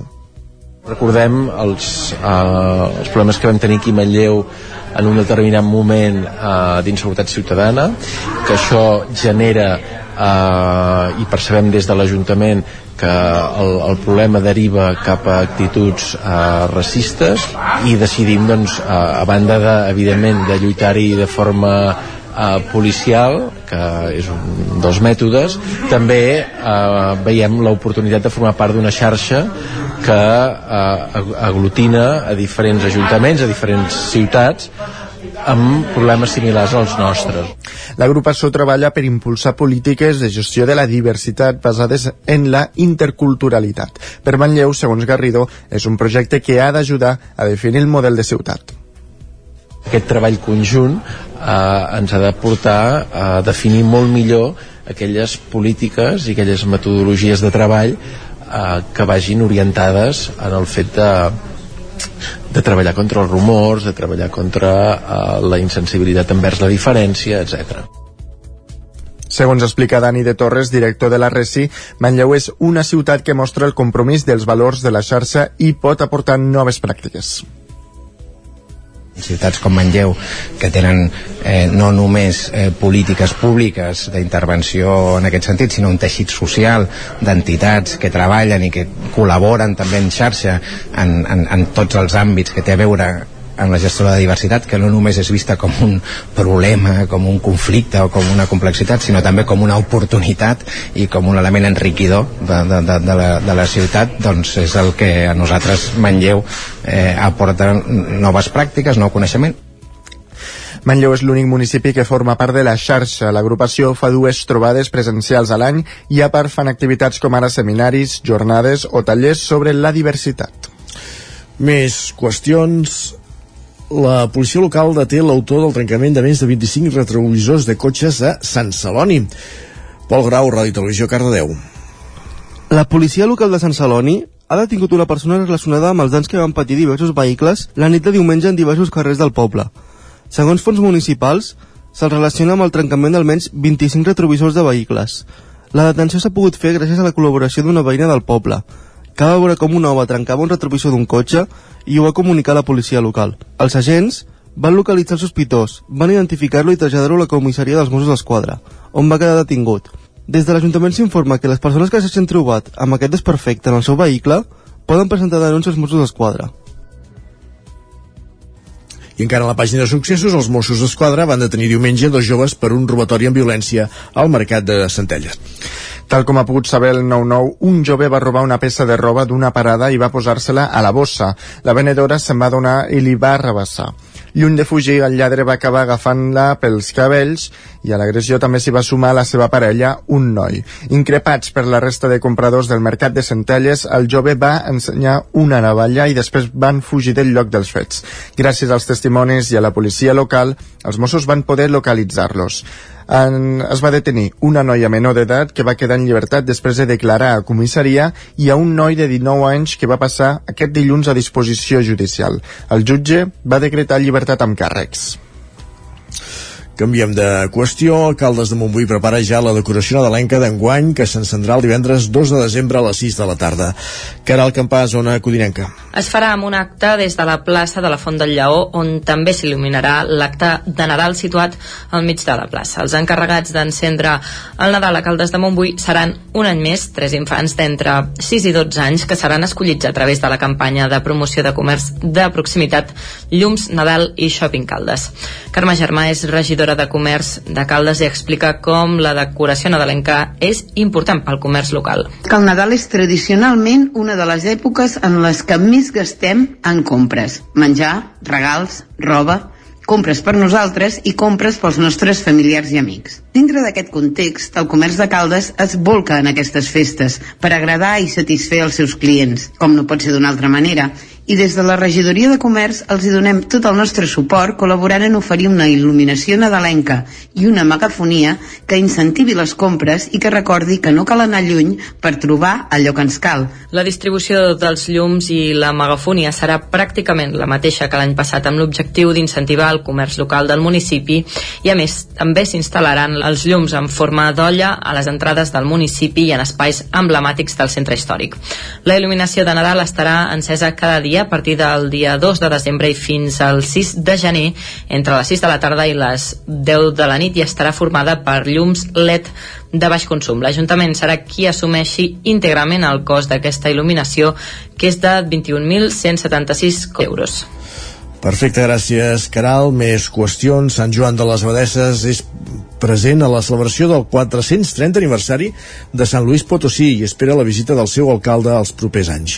Isaac Muntades, la veu de Sant Joan. A principis d'aquest mes de novembre es va celebrar a Sant Luís de Potosí, a Mèxic, el tercer festival de Ciudades Hermanes, que va servir per commemorar el 430 aniversari de la fundació de la ciutat. Al festival van participar-hi alcaldes i representants d'institucions de municipis agermanats amb la ciutat mexicana, com els de la Tulsa i Pico Rivera d'Estats Units, d'Antigua Guatemala del país centroamericà d'Aguas Calientes i Ciudad Guzmán del mateix país mexicà i també l'alcalde de Sant Joan, Ramon Roquer, entre el 2 i el 5 de novembre, ja que la vila Sant Joanina està germanada amb Sant Luis de Potosí des de l'any 1980, ara fa 42 anys. El Vall de Sant Joaní va explicar la importància d'aquesta ciutat i la seva relació amb Sant Joan. Sant Luis Potosí té 21 ciutats agermanades, és una ciutat gran d'un milió d'habitants, té més de 20 universitats, té un sector industrial potent i per tant ells sí que cada, cada 3 anys aproximadament, 3-4 anys, doncs organitzen tota una trobada de ciutats germanes bàsicament per trobar sinergies entre aquestes i sobretot doncs, potenciar determinats aspectes doncs, com podria ser l'intercanvi d'estudiants o, o l'intercanvi empresarial. Sí que és veritat que Sant Joan estem lluny no? de, de Ciutat Luis Potosí, de Mèxic però és veritat que ens uneix, eh, en aquest cas doncs, ens uneixen dues persones, Jaume Nonó i Francisco Bocanegra que van crear l'himne nacional mexicà el nostre vincle potser és més institucional. Ara fa anys que cap alcalde de Sant Luis Potosí no es desplaça a Sant Joan de les Abadeses. Roquer n'explicava el motiu i creu que això aviat canviarà. Això és degut perquè fins ara allà les legislatures són de 3 anys, l'alcalde no pot mai ser reelegit i els canvis de, de persones són constants. En aquests moments precisament això s'ha canviat, ara els alcaldes poden tornar-se a presentar, poden ser reelegits. L'actual alcalde fa un any que ha entrat, l'Enrique veig que té molta il·lusió com a mínim presentar-se a la reelecció i per tant doncs té la projecció d'estar sis anys com a mínim a l'Ajuntament. Roquer va afirmar que en un curt o mitjà termini l'alcalde mexicà podria viatjar fins a Sant Joan, un fet que reafirmaria la voluntat de l'agermanament i que li faria molta il·lusió. I un apunt cultural per acabar, perquè el passat dia 2 de novembre l'escriptora fulgarolenca Anna Dodes hauria fet 60 anys. Per commemorar el seu naixement i reivindicar la seva obra, durant tot un any es recordarà la figura vital i literària de la poetessa. Dissabte la seva neboda va presentar el programa d'actes una ruta literària que va fer parada a la casa natal d'Anna Dodes, però també a la plaça Verdaguer i a les Alzines Sureres obria dissabte el programa d'actes que s'ha organitzat per commemorar el 60è aniversari del naixement de la poeta de Fulgaroles.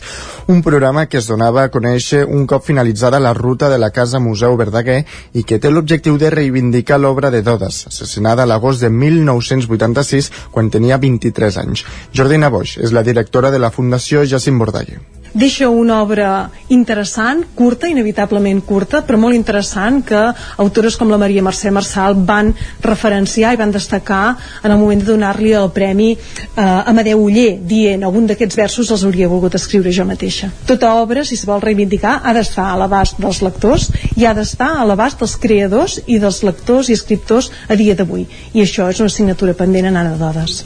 La presentació va comptar amb la presència d'Esther Pou, curadora de l'obra d'Anna Dodes, i també de la neboda de l'autora i membre del grup promotor Helena Masfarre.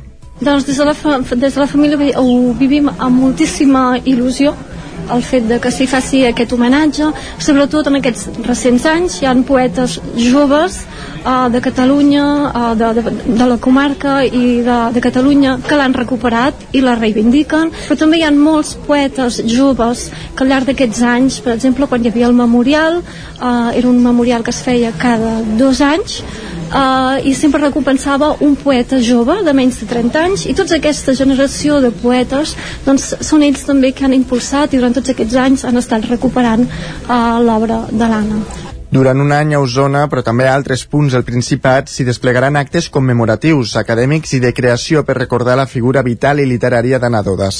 L'Escola de Música de Vic dedicarà unes audicions mensuals centrades en l'obra de la Folguerolenca.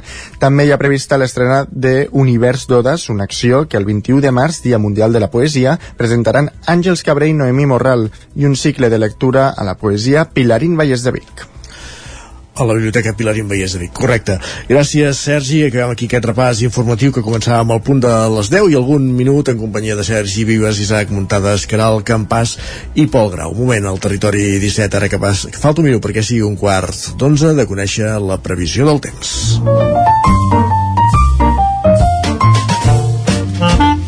Casa Terradellos us ofereix el temps. I el temps al territori 17 ja sabeu que té un nom, que és cosa d'en Pep Acosta, per tant, sense més preàmbuls, el que fem és tornar a Ona Codinenca i allà saludem en Pep Acosta. Benvinguts, bon dia, quin temps farà avui, Pep? Molt bon dia, avui serà un dia molt assolellat, eh, un ambient tèrbol, molts núvols prims, però bueno, en cap cas cap precipitació, ni molt menys, i unes temperatures també molt, molt suaus.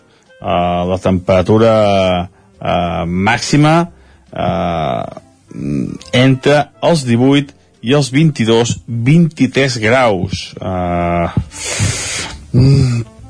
no, no, no baixa, no baixa encara la, la temperatura uh, molt alta per l'època de l'any, molta suavitat, i cap, cap moment important al dia d'avui. Sembla que a partir de demà i divendres eh, ens crea un front i que ens portarà pluja i baixar temperatures, però ho dic amb ben petita perquè és que ja gairebé ni, ni m'ho crec, eh? ja veurem el que acaba passant, però soc molt, molt escèptic amb el que pugui deixar aquest front que l'esperem entre demà i divendres. I això és tot, a disfrutar el dia d'avui i demà ja precisarem una mica més en què passa amb aquest front de divendres. Moltes gràcies, adeu una mica de fe, Pep, ja sabem que ets gat escaldat, però una mica de fe hem de tenir, que sí, que convé molt que plogui, i si veiem que es divisa l'horitzó pluja, doncs hem d'estar, si més no, tenir la mínima esperança perquè ho faci. Va. Gràcies, parlem demà. Tot seguit, avancem al territori 17 i anem cap al territori sostenible. Casa Tarradellas us ha ofert aquest espai. Territori 17. Envia'ns les teves notes de veu per WhatsApp al 646 079 023. 646 079 023. WhatsApp Territori 17.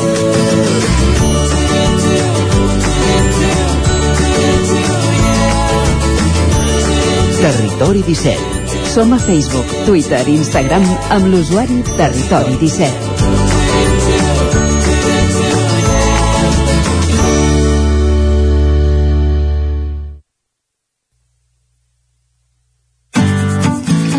El territori sostenible, ja ho recorden, la setmana passada en Jordi Givert se'n va anar a fer un tom pel Gastronòmic Fòrum Barcelona, que es feia a Fira, a Montjuïc. Eh, em va fer moltes entrevistes, però no acabar la feina. I avui recuperem, reprenem el fil d'aquesta visita al Gastronòmic Fòrum Barcelona. Jordi, com vulguis. Avui al Territori Sostenible continuarem parlant d'empreses ecològiques del territori que es van donar cita la setmana passada al Fòrum Gastronòmic. Coneixerem un parell d'empreses eh, de més grans dimensions dels petits productors que vam parlar la setmana passada. Concretament ens acostarem a Natureco del Moianès i la empresa Casa Mella, que també elabora productes ecològics a Castellterçol.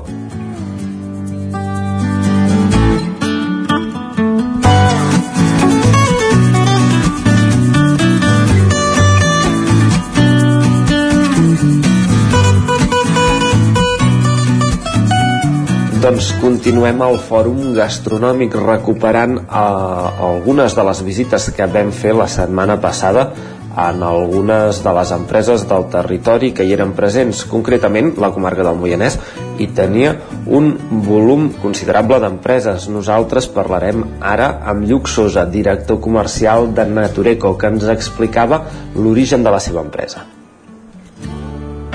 Natureco neix com una distribuïdora i importadora de producte ecològic que en els anys en els últims anys eh, s'ha transformat en una productora de producte ecològic de tota mena, des de farines, galetes, wraps, bases de pizza, filets vegans, hamburgueses veganes, també treballem tot el que és la carn ecològica, tenim granja pròpia de, car de cabres i en fem iogurt, vull dir que és una empresa molt versàtil en el que és la producció i la canalització del producte ecològic arreu del territori català i espanyol.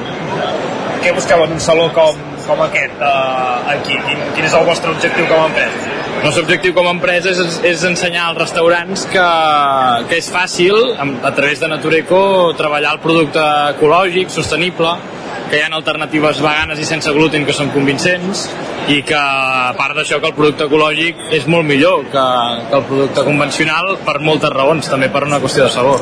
Parlaves d'aquest canvi que ha fet de, de ser primer distribuïdor importador a, a productor.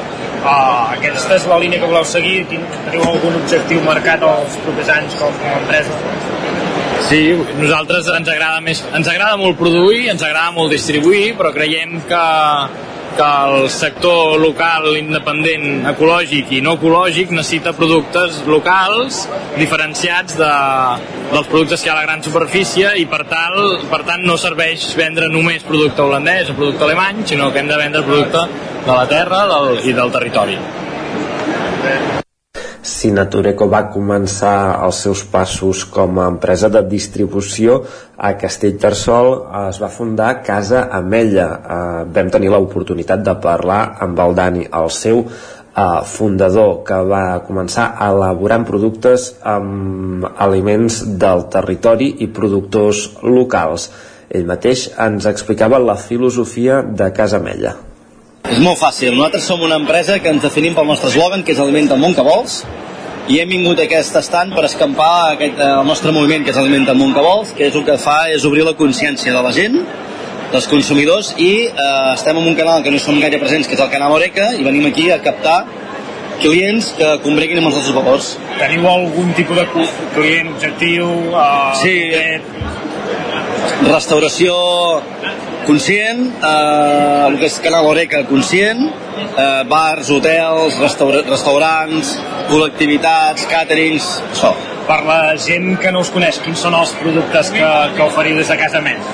Nosaltres eh, som d'aquesta Tarsol, a novembre ha fet 20 anys que vaig muntar l'empresa, era jovenet, m'agradaria tornar-hi enrere una altra vegada, i vam passar d'aquesta Tarsol a Mollà i de Mollà a Artés. Artés de Manresa, i tenim una fàbrica d'uns 2.000 metres quadrats i allà hi fabriquem doncs, tot el que és eh, 100% vegetal. Fa- Fabriquem cremes de verdures, sucs de fruita, llegum cuita i salses. Això és el que fem nosaltres a Artés.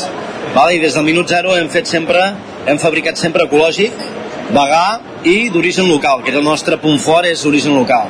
Tota la matèria prima és de Catalunya i d'Espanya, no comprem fora, res fora.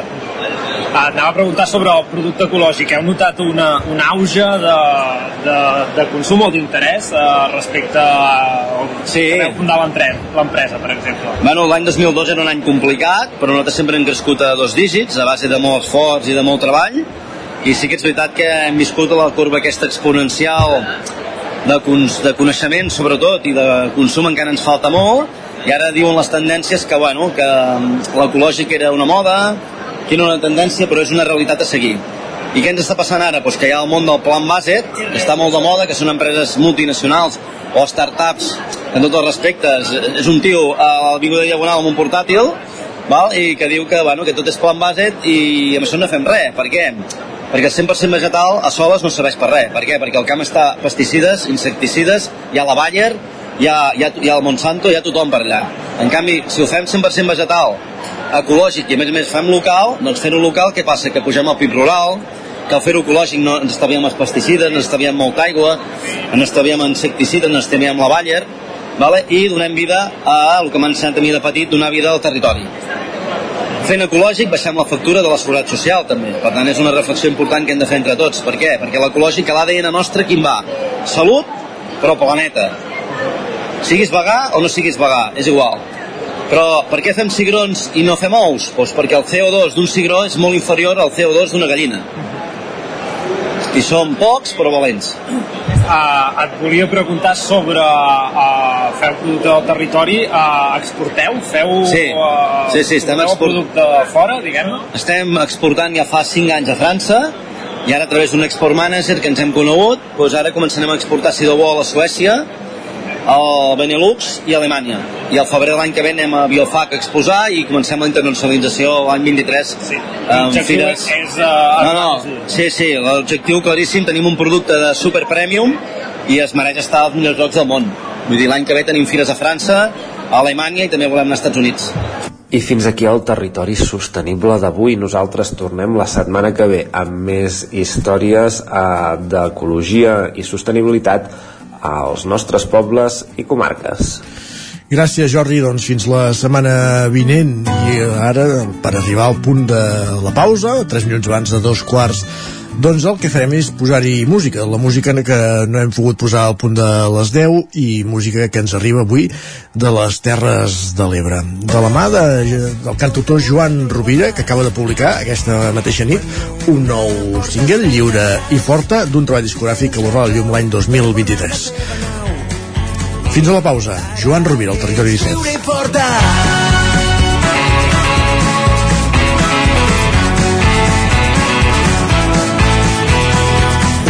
Foto en blanc i negre de l'àvia adolescent. El coratge que t'inspira a mirar-la fixament. Quan no puguis més, xiula jo vindré. Una imatge, un aroma que ens fa viatjar en el temps, gira el món. Malgrat estar cansada, tot es mou. No pots estar aturada, saps on aniràs, tot el món al teu abast. Quan una tanca, saps, tu tens la clau per volar amb la teva nau. Ara que ets lliure i forta, i forta.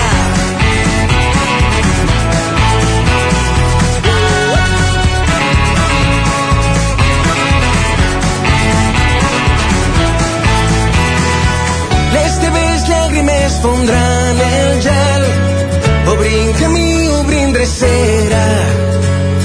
El cor batega a ritme de cançó que no t'assusti trepitjar frontera. Saps on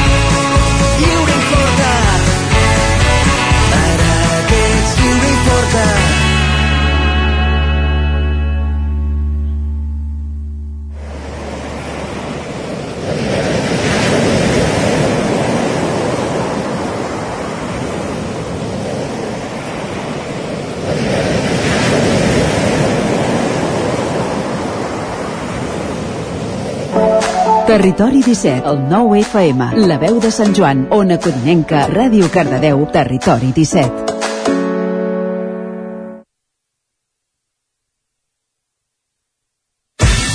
El 9 FM, la ràdio de casa, al 92.8. Arriba el Nadal i a l'Hiperbasar Liu ho trobaràs tot i a preus de fàbrica. Vine a conèixer la nova botiga Hiperbasar, la més gran de tot Vic. Ens trobaràs al carrer Torelló, 18 de Vic, al costat del Supeco, i al telèfon 672 62 15 33.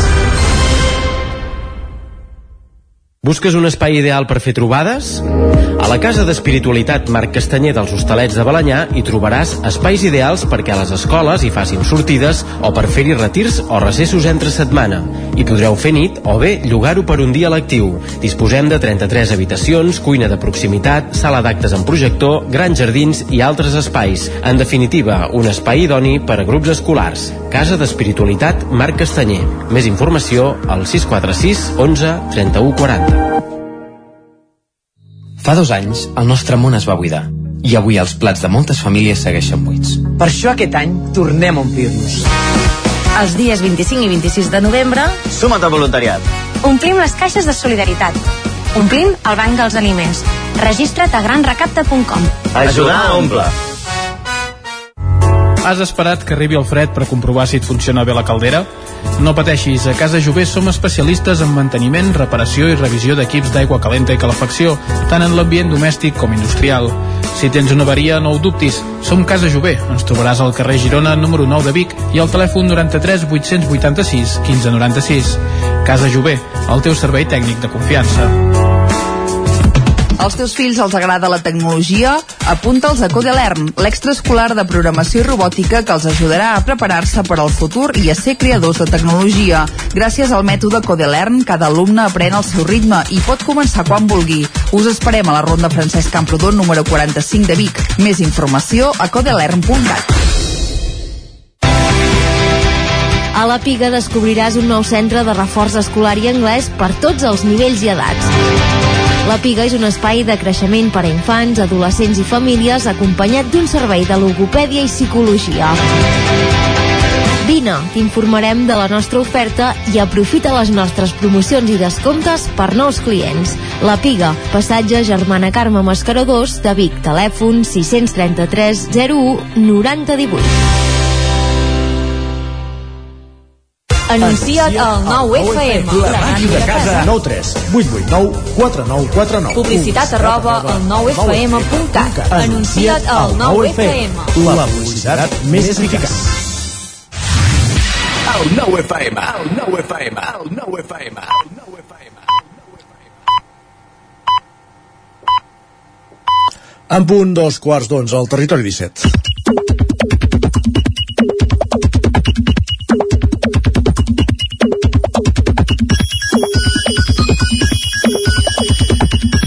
I això què vol dir? La sintonia ho delata. Laura Sánchez, Guillem Sánchez, benvingut, bon dia. Què tal? Avui tornem a ser-hi, eh? Avui tornem a ser-hi. Demà què?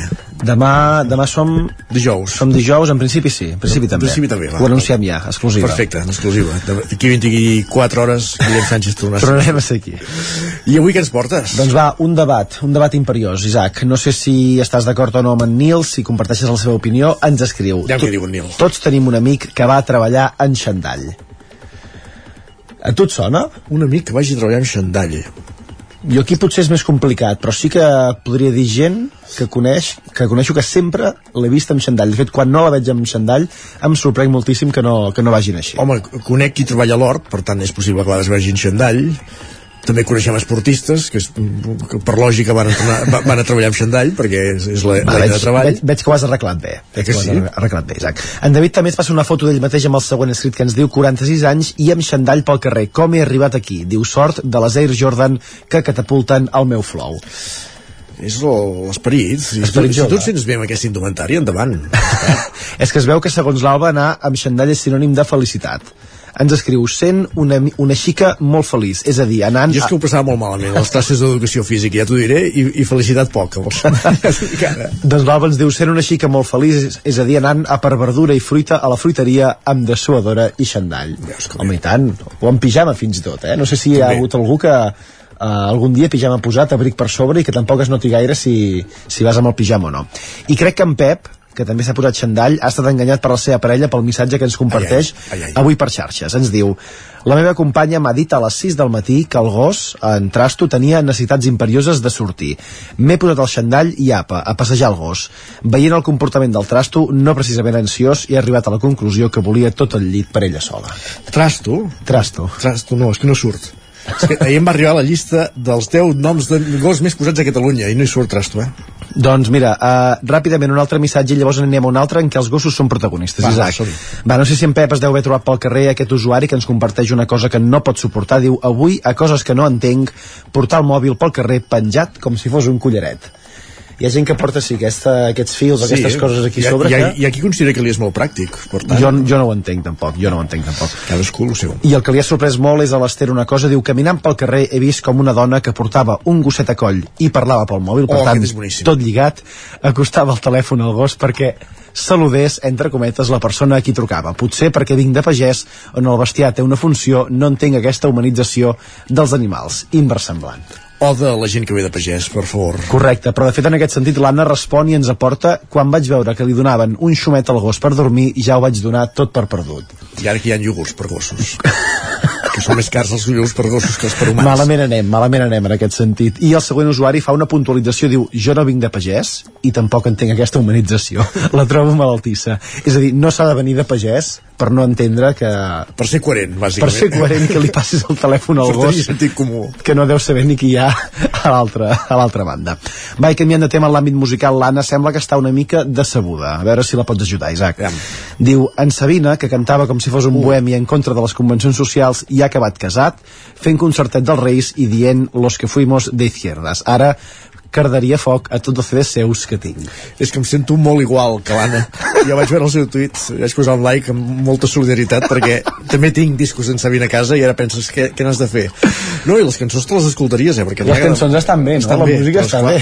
però és que el personatge de nhi eh? com cap a on ha anat eh, per cert, parlant de tuit, hi havia un altre tuit de Pancho Barona explicant que Sí. no farà gira amb Sabina Correcte, Eh, amb un, amb una, amb un escrit en què, en què li donava les gràcies i eh, compartia això, que ha estat 40 anys, em sembla, al seu servei produint cançons i acompanyant-lo Correcte. a tot arreu.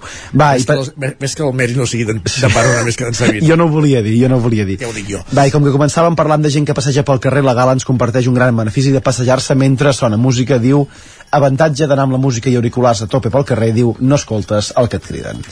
Doncs mira, uh, si algú vol aquest consell... jo, jo hi vaig trobar m'hi vaig, vaig trobar eh, ja no fa gaires mesos que una noia li va caure les claus davant meu i vaig haver de córrer per seguir-la perquè portava els auriculars posats i no, no, no ens se sentia dient noia que, que tenia les teves claus Diem que estava, estava concentrada, devia Estava estar concentrada. música, escoltava música amb els auriculars a, a tot volum Sempre fins, una- fins que no va arribar a una casa on necessitava les claus va, per fi Sempre una, gra sempre una gran Anava amb solució. xandall i corria Correcte, correcte. doncs, doncs va, Isaac, demà molt bé. no m'has demanat, aquí són els 10 noms de gos més posats Uh, Lluna, Nuc... Uh... Oita, la, la Luna sí, 4 doncs... Coco, Kira, Nala, Luna, Max, Lola, Thor, Simba, Mia i Leo, els 10 noms de gos més posats a Catalunya l'últim any. Em quedo amb la Lola. Sí? Doncs va, Que gràcies. vagi bé. Nosaltres el que ens quedem és amb la Cristina Enfruns. Tot seguit parlem de llengua. Gràcies, Guillem. Uh, avancem, com dèiem, al territori 17, deixem el Twitter enrere i parlem de llengua.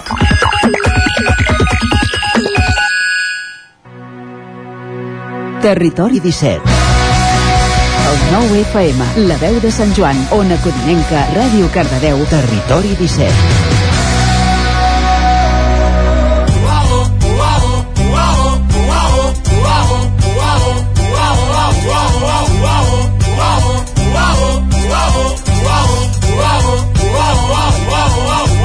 Sobren paraules, agulla, fil de cosi, tisores, estufa, me sobren paraules, vermut, patates, olives, paraules molt curtes, pi, De paraules, d'expressions, de frases fetes en parlem cada 15 dies amb la Cristina Fruns, en aquesta secció dedicada a la llengua.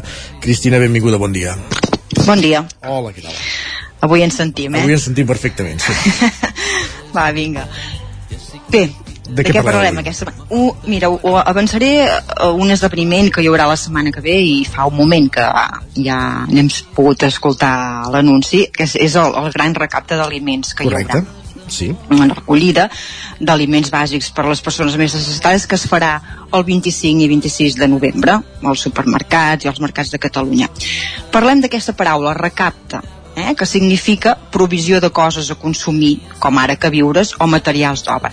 Pensem, sobretot, que és una paraula masculina i per tant ens No hem de referir com el gran recapte. Mm? Per tant, el gran recapte, igualment, quan, quan diem aquest, eh, quan fem aquest recompte d'aliments, que segurament ho sentirem algun cop, que diuen eh, hem, hem recaptat tonelades de- d'aliments sí. recordem, paraula castellana nosaltres Tones. hem de dir tones d'aliments, eh? I ens preguntarem també, quin plaç hi ha per recaptar aquests aliments? Termini. Vigilem. doncs bé, sí, sí, plaç i aplaçar són dues paraules que evidentment són, són incorrectes, són calcs del castellà. El que en castellà es coneix com a plazo, en castellà no és plaç, sinó termini. Per tant, per exemple, el termini per fer donacions per al gran recapte arriba fins al 6 de, de desembre, pensem-hi, eh? no és només als supermercats, sinó que tenim de termini fins a aquest dia per tal de donar, fer la nostra donació. Igualment, quan parlem de fer pagaments, eh, direm que ho fem a terminis i no a plaços. I pel que fa al verb aplaçar, en el sentit de deixar una cosa per un altre dia, no direm aplaçar, sinó ajornar. Eh? Recordem aquestes paraules relacionades amb aquest gran recapte. Que eh, eh, estem al cas perquè no es tracta del que, quan ens referim a la campanya per, que, que, per exemple, té per objectiu les donacions de sang, és diferent, eh? Llavors es tracta d'un acapte, també masculí, eh? No una Per tant, acapta, un acapta. Exacte, hi ha el recapte, que és eh, um, recollir aliments, mentre que a capta, igualment a masculí i també escrit amb E, és quan ens referim a, a, a, a donació de sang, eh? una capta de sang, una capta, llavors sí, femení, capta en femení, Sí en va, és. també pot ser capta de sang, o sigui, un acapte de sang o una capta de sang I són una sinònims. col·lecta. Són sinònims, sí, sí, són les dues, però eh, canvien el gènere i per tant també la manera d'escriure's, eh? Una col·lecta de sang, una captació de sang, una recaptació de sang, tots aquests són adjectius que podem fer servir quan ens referim en, en, aquest, en aquestes donacions de sang. Per tant, vigilem amb aquest, amb aquest joc de gènere i, i, i d'ortografia en aquests casos que són diferents. Molt bé. Doncs tota la terminologia relacionada amb el gran recapte dels aliments, eh, un gran recapte pel qual hi ha un termini limitat per, per portar aquests aliments i que no és una capta de sang, ni un eh, capta de sang tampoc. A veure, eh? A veure pres- si ens ha quedat una... Ho he pres tot, eh? Em sembla? Molt bé, doncs és que aquesta és la intenció. Perfecte. I posem música ja, Cristina? Va, vinga. Som-hi.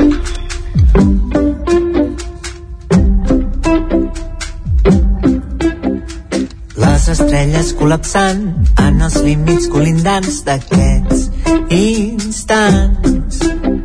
Tu i el teu amor constant per muntanyes avançant i el sol radiant. I em sento tan petit, en fusió constant, amb un món tan gran.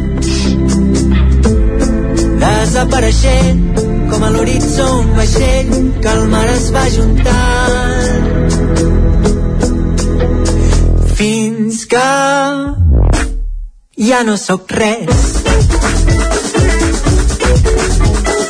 No sento ni el meu pes. Sentir-se petit és la cançó que estem escoltant de- d'en Guillem Roma i que avui ha passat per l'anàlisi de la Cristina. Exacte. Bé, no és una novetat, eh? no és una cançó nova, sinó que... Tot i que avui n'estrena una, en Guillem, eh? si tenim temps al final del programa l'escoltarem, va. És per això jo que ja que, que, que tenim una mica present, doncs bé, eh, n'he recuperat una que és del 2021, però bé, mm, podem continuar analitzant igualment la cançó, eh? Molt. Comença ja dient eh, les estrelles col·lapsant en els límits, en els límits colindants. Carai. Vigilem aquesta forma colindant, aquesta paraula no és admissible en català, eh? És, és castellà. Farem servir altres formes, com eh, del costat, contigu, adjacent o limítrof.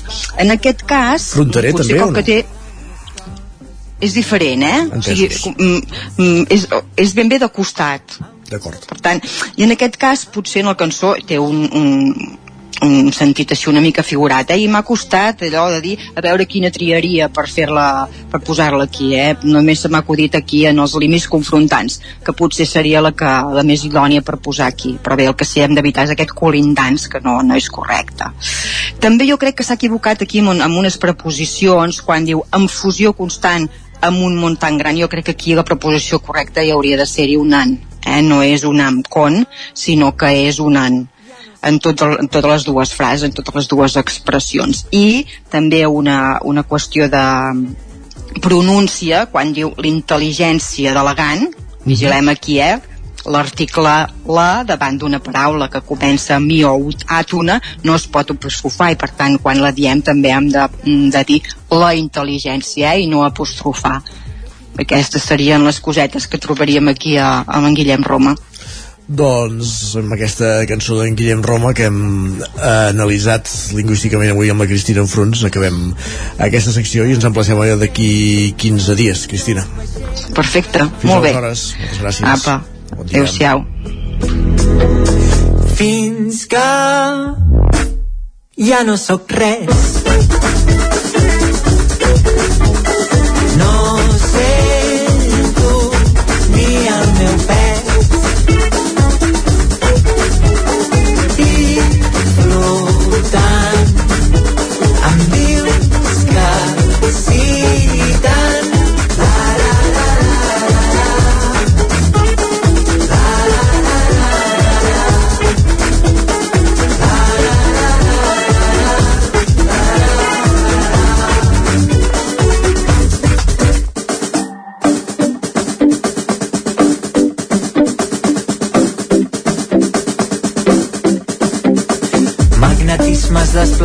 Les veus dels meus avantpassats i tu brillant.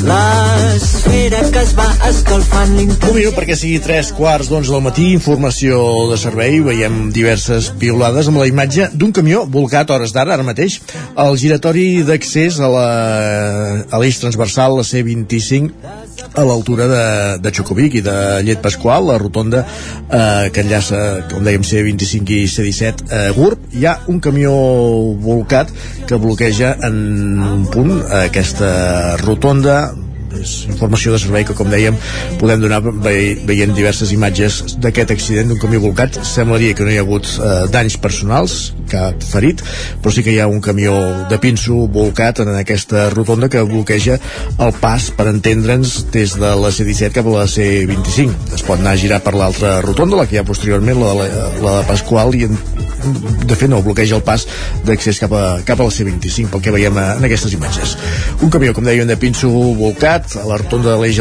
d'accés a l'eix transversal a, a Xocovic a, a Gurb, en aquest cas Dit això, tres quarts d'onze del matí i el que fem tot seguit al territori 17 és avançar. Avui acabarem el programa amb el relat guanyador del sisè Premi de Narrativa Curta, La Gralla, el 9-9, amb el suport de la institució Puigporret. Territori, Territori 17. 17. Territori 17.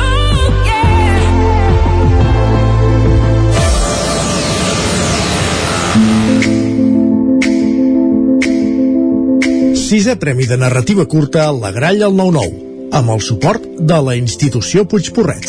Sisè Premi Narrativa Curta a la Gralla al 9-9. Ombres xineses, de Teresa Martí Gaudes, de Gurb.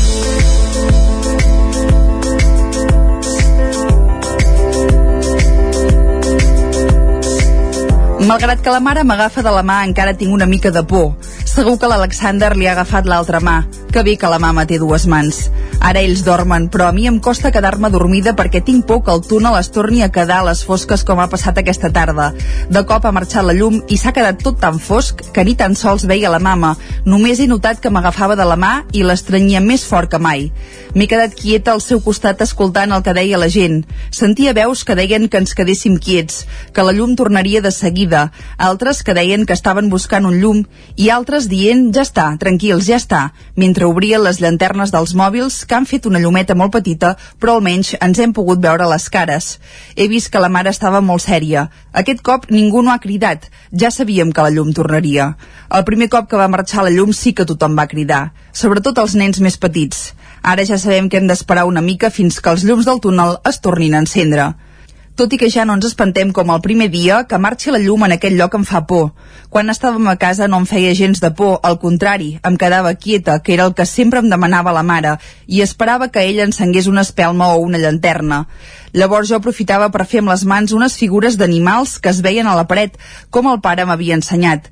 Són ombres xineses, Anica, em deia la mare, i a mi em feia riure que la mare anés tan lluny a buscar el nom d'aquelles figures negres que es movien a la paret.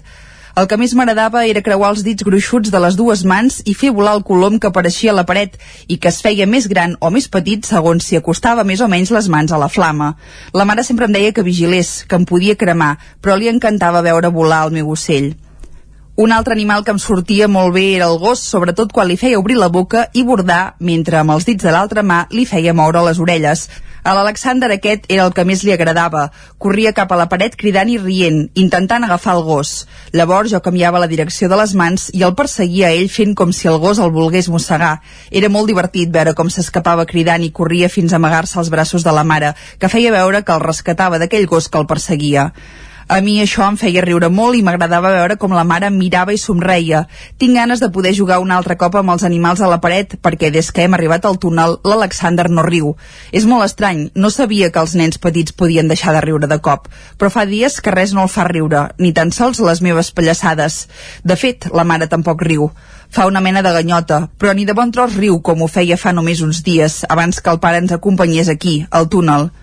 No sé per què el papa no es va quedar amb nosaltres. Em va prometre que tornaria molt aviat, però que abans havia de fer una feina molt important i havia de marxar uns dies perquè el lloc on havia d'anar era molt lluny.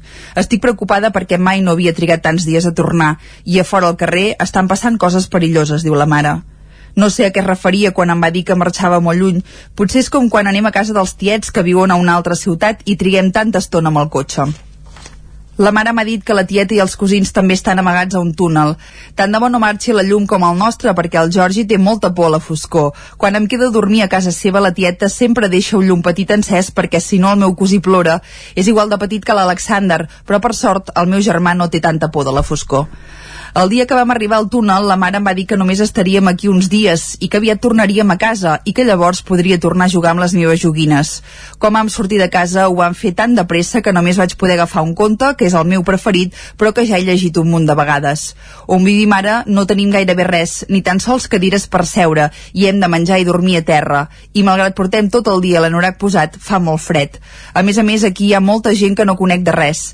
Alguns nens sí que els conec de l'escola o perquè són veïns, però hi ha moltes persones que no havia vist mai. I és molt estrany perquè en aquell lloc no hi ha pares ni germans grans. Tan sols veig nens petits com nosaltres, algunes noies, mares i àvies. També he vist alguns avis, però crec que deuen ser avis de fa molt de temps, perquè són molt grans, tant com ho era l'avi, que es va morir l'any passat. El dia que el pare va marxar, la mare va plorar molt, i també l'àvia. De fet, gairebé tothom plorava aquell dia, fins i tot el pare. Mai havia vist plorar el pare, i menys perquè marxés lluny a treballar. Els altres cops que el pare havia marxat tampoc no recordo que la mare plorés. Es feien un petó molt llarg, això sí, i la mare li desitjava al pare que tingués un bon viatge. Li demanava que anés amb cura a la carretera i que li anés trucant. En canvi, aquest cop la mare només li va demanar que tornés, que marxés si havia de marxar, però sobretot que tornés. Em va semblar molt rar, perquè el papa sempre torna. Quan vingui li explicaré que el dia que va marxar em vaig espantar molt perquè vaig sentir una sirena que no era com la que fan servir els bombers o les ambulàncies. Aquesta sonava molt fort i molta estona. I li explicaré que quan va sonar tots vam cridar i córrer. La mama va agafar l'Alexander a Collibè, l'avi em va agafar de la mà i tots quatre vam anar molt de pressa a la part més allunyada de l'entrada del túnel. Sort que l'àvia portava una llanterna i aviat es va il·luminar una mica el lloc on érem. L'avi em va explicar que la sirena sonava per avisar que ningú sortís del lloc on estigués amagat i els que no ho estaven anessin de pressa a refugiar-se perquè al carrer hi havia unes persones que ens volien fer mal, però no em va explicar per què ens volien fer mal. És molt estrany que no m'ho volgués explicar. Ja sóc gran per entendre algunes coses, però m'he adonat que a la mare i a l'avi els costa molt parlar del que està passant a fora. De fet, fa dies que no em responen a les preguntes que els faig, i si em contesten, ho fan amb respostes molt estranyes com quan li vaig preguntar a la mare per què no anàvem a l'escola i em va dir que estava tancada, però jo crec que la mare s'equivoca, perquè la nostra professora no ens va avisar que tancarien. L'únic que m'agrada de viure al túnel és que l'Alexander dorm amb mi i amb la mare, i quan ens fiquem al llit passa el braç per sobre de la panxa de la mama i em dóna la mà mentre ella ens explica un conte, un de diferent cada dia. La mare en sap un munt. Avui ens n'ha explicat un d'una nena que vivia en un país on les persones estaven barallades i es feien mal. Fins i tot ens ha dit que podien morir en aquestes baralles. Sort que quan ens ha explicat aquest tros del conte, l'Alexander ja feia estona que s'havia quedat adormit, perquè si no s'hauria espantat molt. A mi m'ha entristit molt el que li passa a aquesta nena. No sé per què les persones de la seva ciutat no arreglen les coses parlant. A l'escola, quan dos nens es barallen, els professors parlen amb ells, escolten el que vol dir cadascun i aconsegueixen que es demanin perdó, fins i tot que es facin una abraçada. A vegades fins i tot després es fan amics. Quan torni a l'escola els explicaré aquest conte perquè no es barallin mai, doncs és molt perillós. Llàstima que la Caterina i l'Olena no hi seran. La mare em va dir que havien marxat a un altre país amb la seva mare i la seva tieta i que allà anirien a una altra escola que sí que està oberta, però que nosaltres no hi podíem anar perquè havíem d'esperar que tornés el pare. Quan la mare m'ho va dir vaig pensar que si el pare trigava gaire a venir faltaria molts dies a l'escola. He pensat que quan ens truqui li demanaré que em compri un quadern i colors per dibuixar i un llapis per escriure, perquè si no m'oblidaré de tot el que hem après. Però no sé si podré dir-li, perquè ja han passat uns dies i encara no ha trucat cap cop a la mare, i això que ella porta el telèfon sempre a sobre. Potser és perquè a vegades es queda sense bateria de tant parlar per telèfon i mirar les notícies. A més a més, aquí al túnel no hi ha gaires endolls i tothom els vol fer servir. La mare m'ha dit que demà anirem un moment a casa a buscar roba neta i aprofitarà per carregar el mòbil. Quan hi anem, haig de pensar d'agafar alguna joguina més i espelmes per jugar amb l'Alexander. Ens haurem d'afanyar perquè la mare també m'ha dit que si sona la sirena mentre estem a fora del túnel, haurem de córrer molt, moltíssim, com el primer dia. Espero que tinguem temps de fer el que diu la mare, així tindrem el telèfon ple de bateria i el pare podrà trucar. I si aconsegueixo agafar una espelma, li faré a l'Alexander els animals que tal li agraden. Quan li faci el gos, no faré que el persegueixi. No vull que s'espanti més del que ja ho està. Potser me n'inventaré un de nou, que sigui una sorpresa. He pensat en un conill que mou les orelles i el nas, tot i que aquest no l'he fet mai. Li hauré de demanar a la mama com es fa. Li diré a l'Alexander que es pot acostar a la paret a tocar-lo, que no li farà res. Estic segura que quan s'hi acosti, si faig que el conill mogui el nas i les orelles al mateix temps i molt de pressa, l'Alexander tornarà a riure. Tant de bo ho aconsegueixi.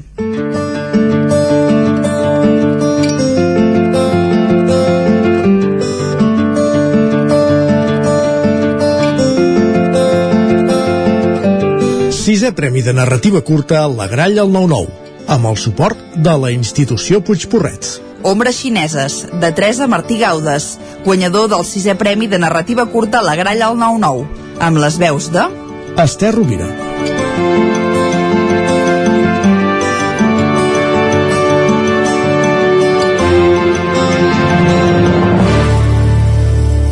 5 minuts perquè siguin les 11 i el territori 17 ens disposem, com eh, us hem avançat abans i com ja vam prometre ahir també amb la Natàlia Peix a la secció de les piolades, a conèixer aquesta nova cançó que estrena Guillem Roma. Un lloc, fins a acabar el programa.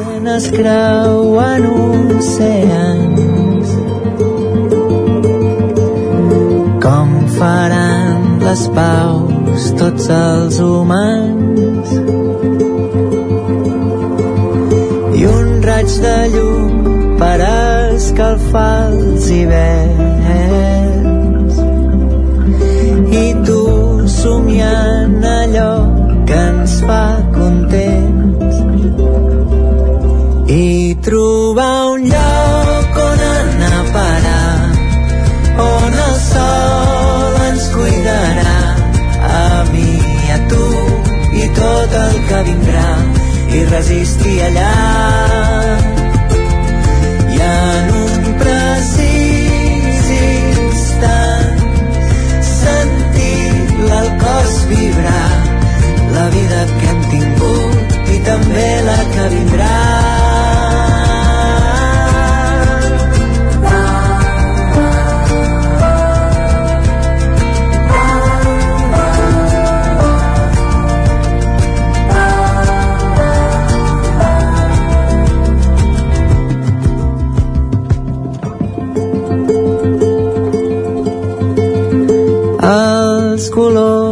els boscos estan brillant.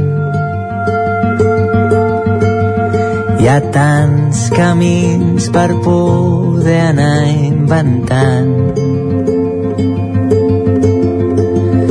Tots portem a dins un món antic que t'explico a l'ombra d'aquell vell arbre amic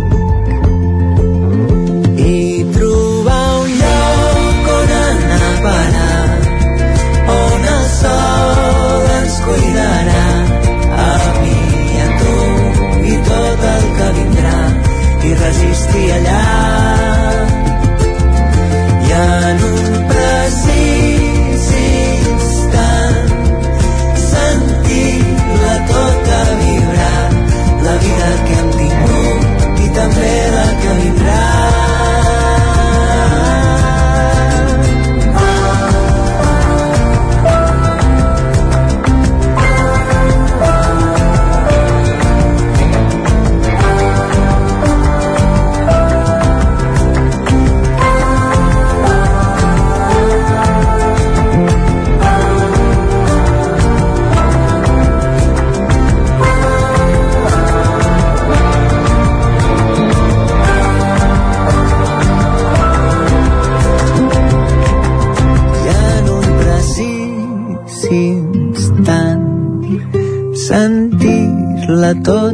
vibrar la vida que hem tingut i també la que vindrà ah. Un lloc. Així sona la nova cançó de Guillem Roma, disponible a les plataformes des d'aquest dimarts i avui que l'estrenàvem aquí també al Territori 17. Amb ell, amb Guillem Roma, acabem el programa d'avui, dimecres 16 de novembre de 2022. Us hem acompanyat des de les 9 del matí, Caral Campàs, Isaac Muntades, Pol Grau, Pepa Costa, Jordi Givert, Guillem Sánchez, Cristina Enfruns, Esther Rovira, Sergi Vives i Isaac Moreno. I tornem demà a partir de les 9. Fins aleshores. Gràcies per ser-hi i molt bon dimecres.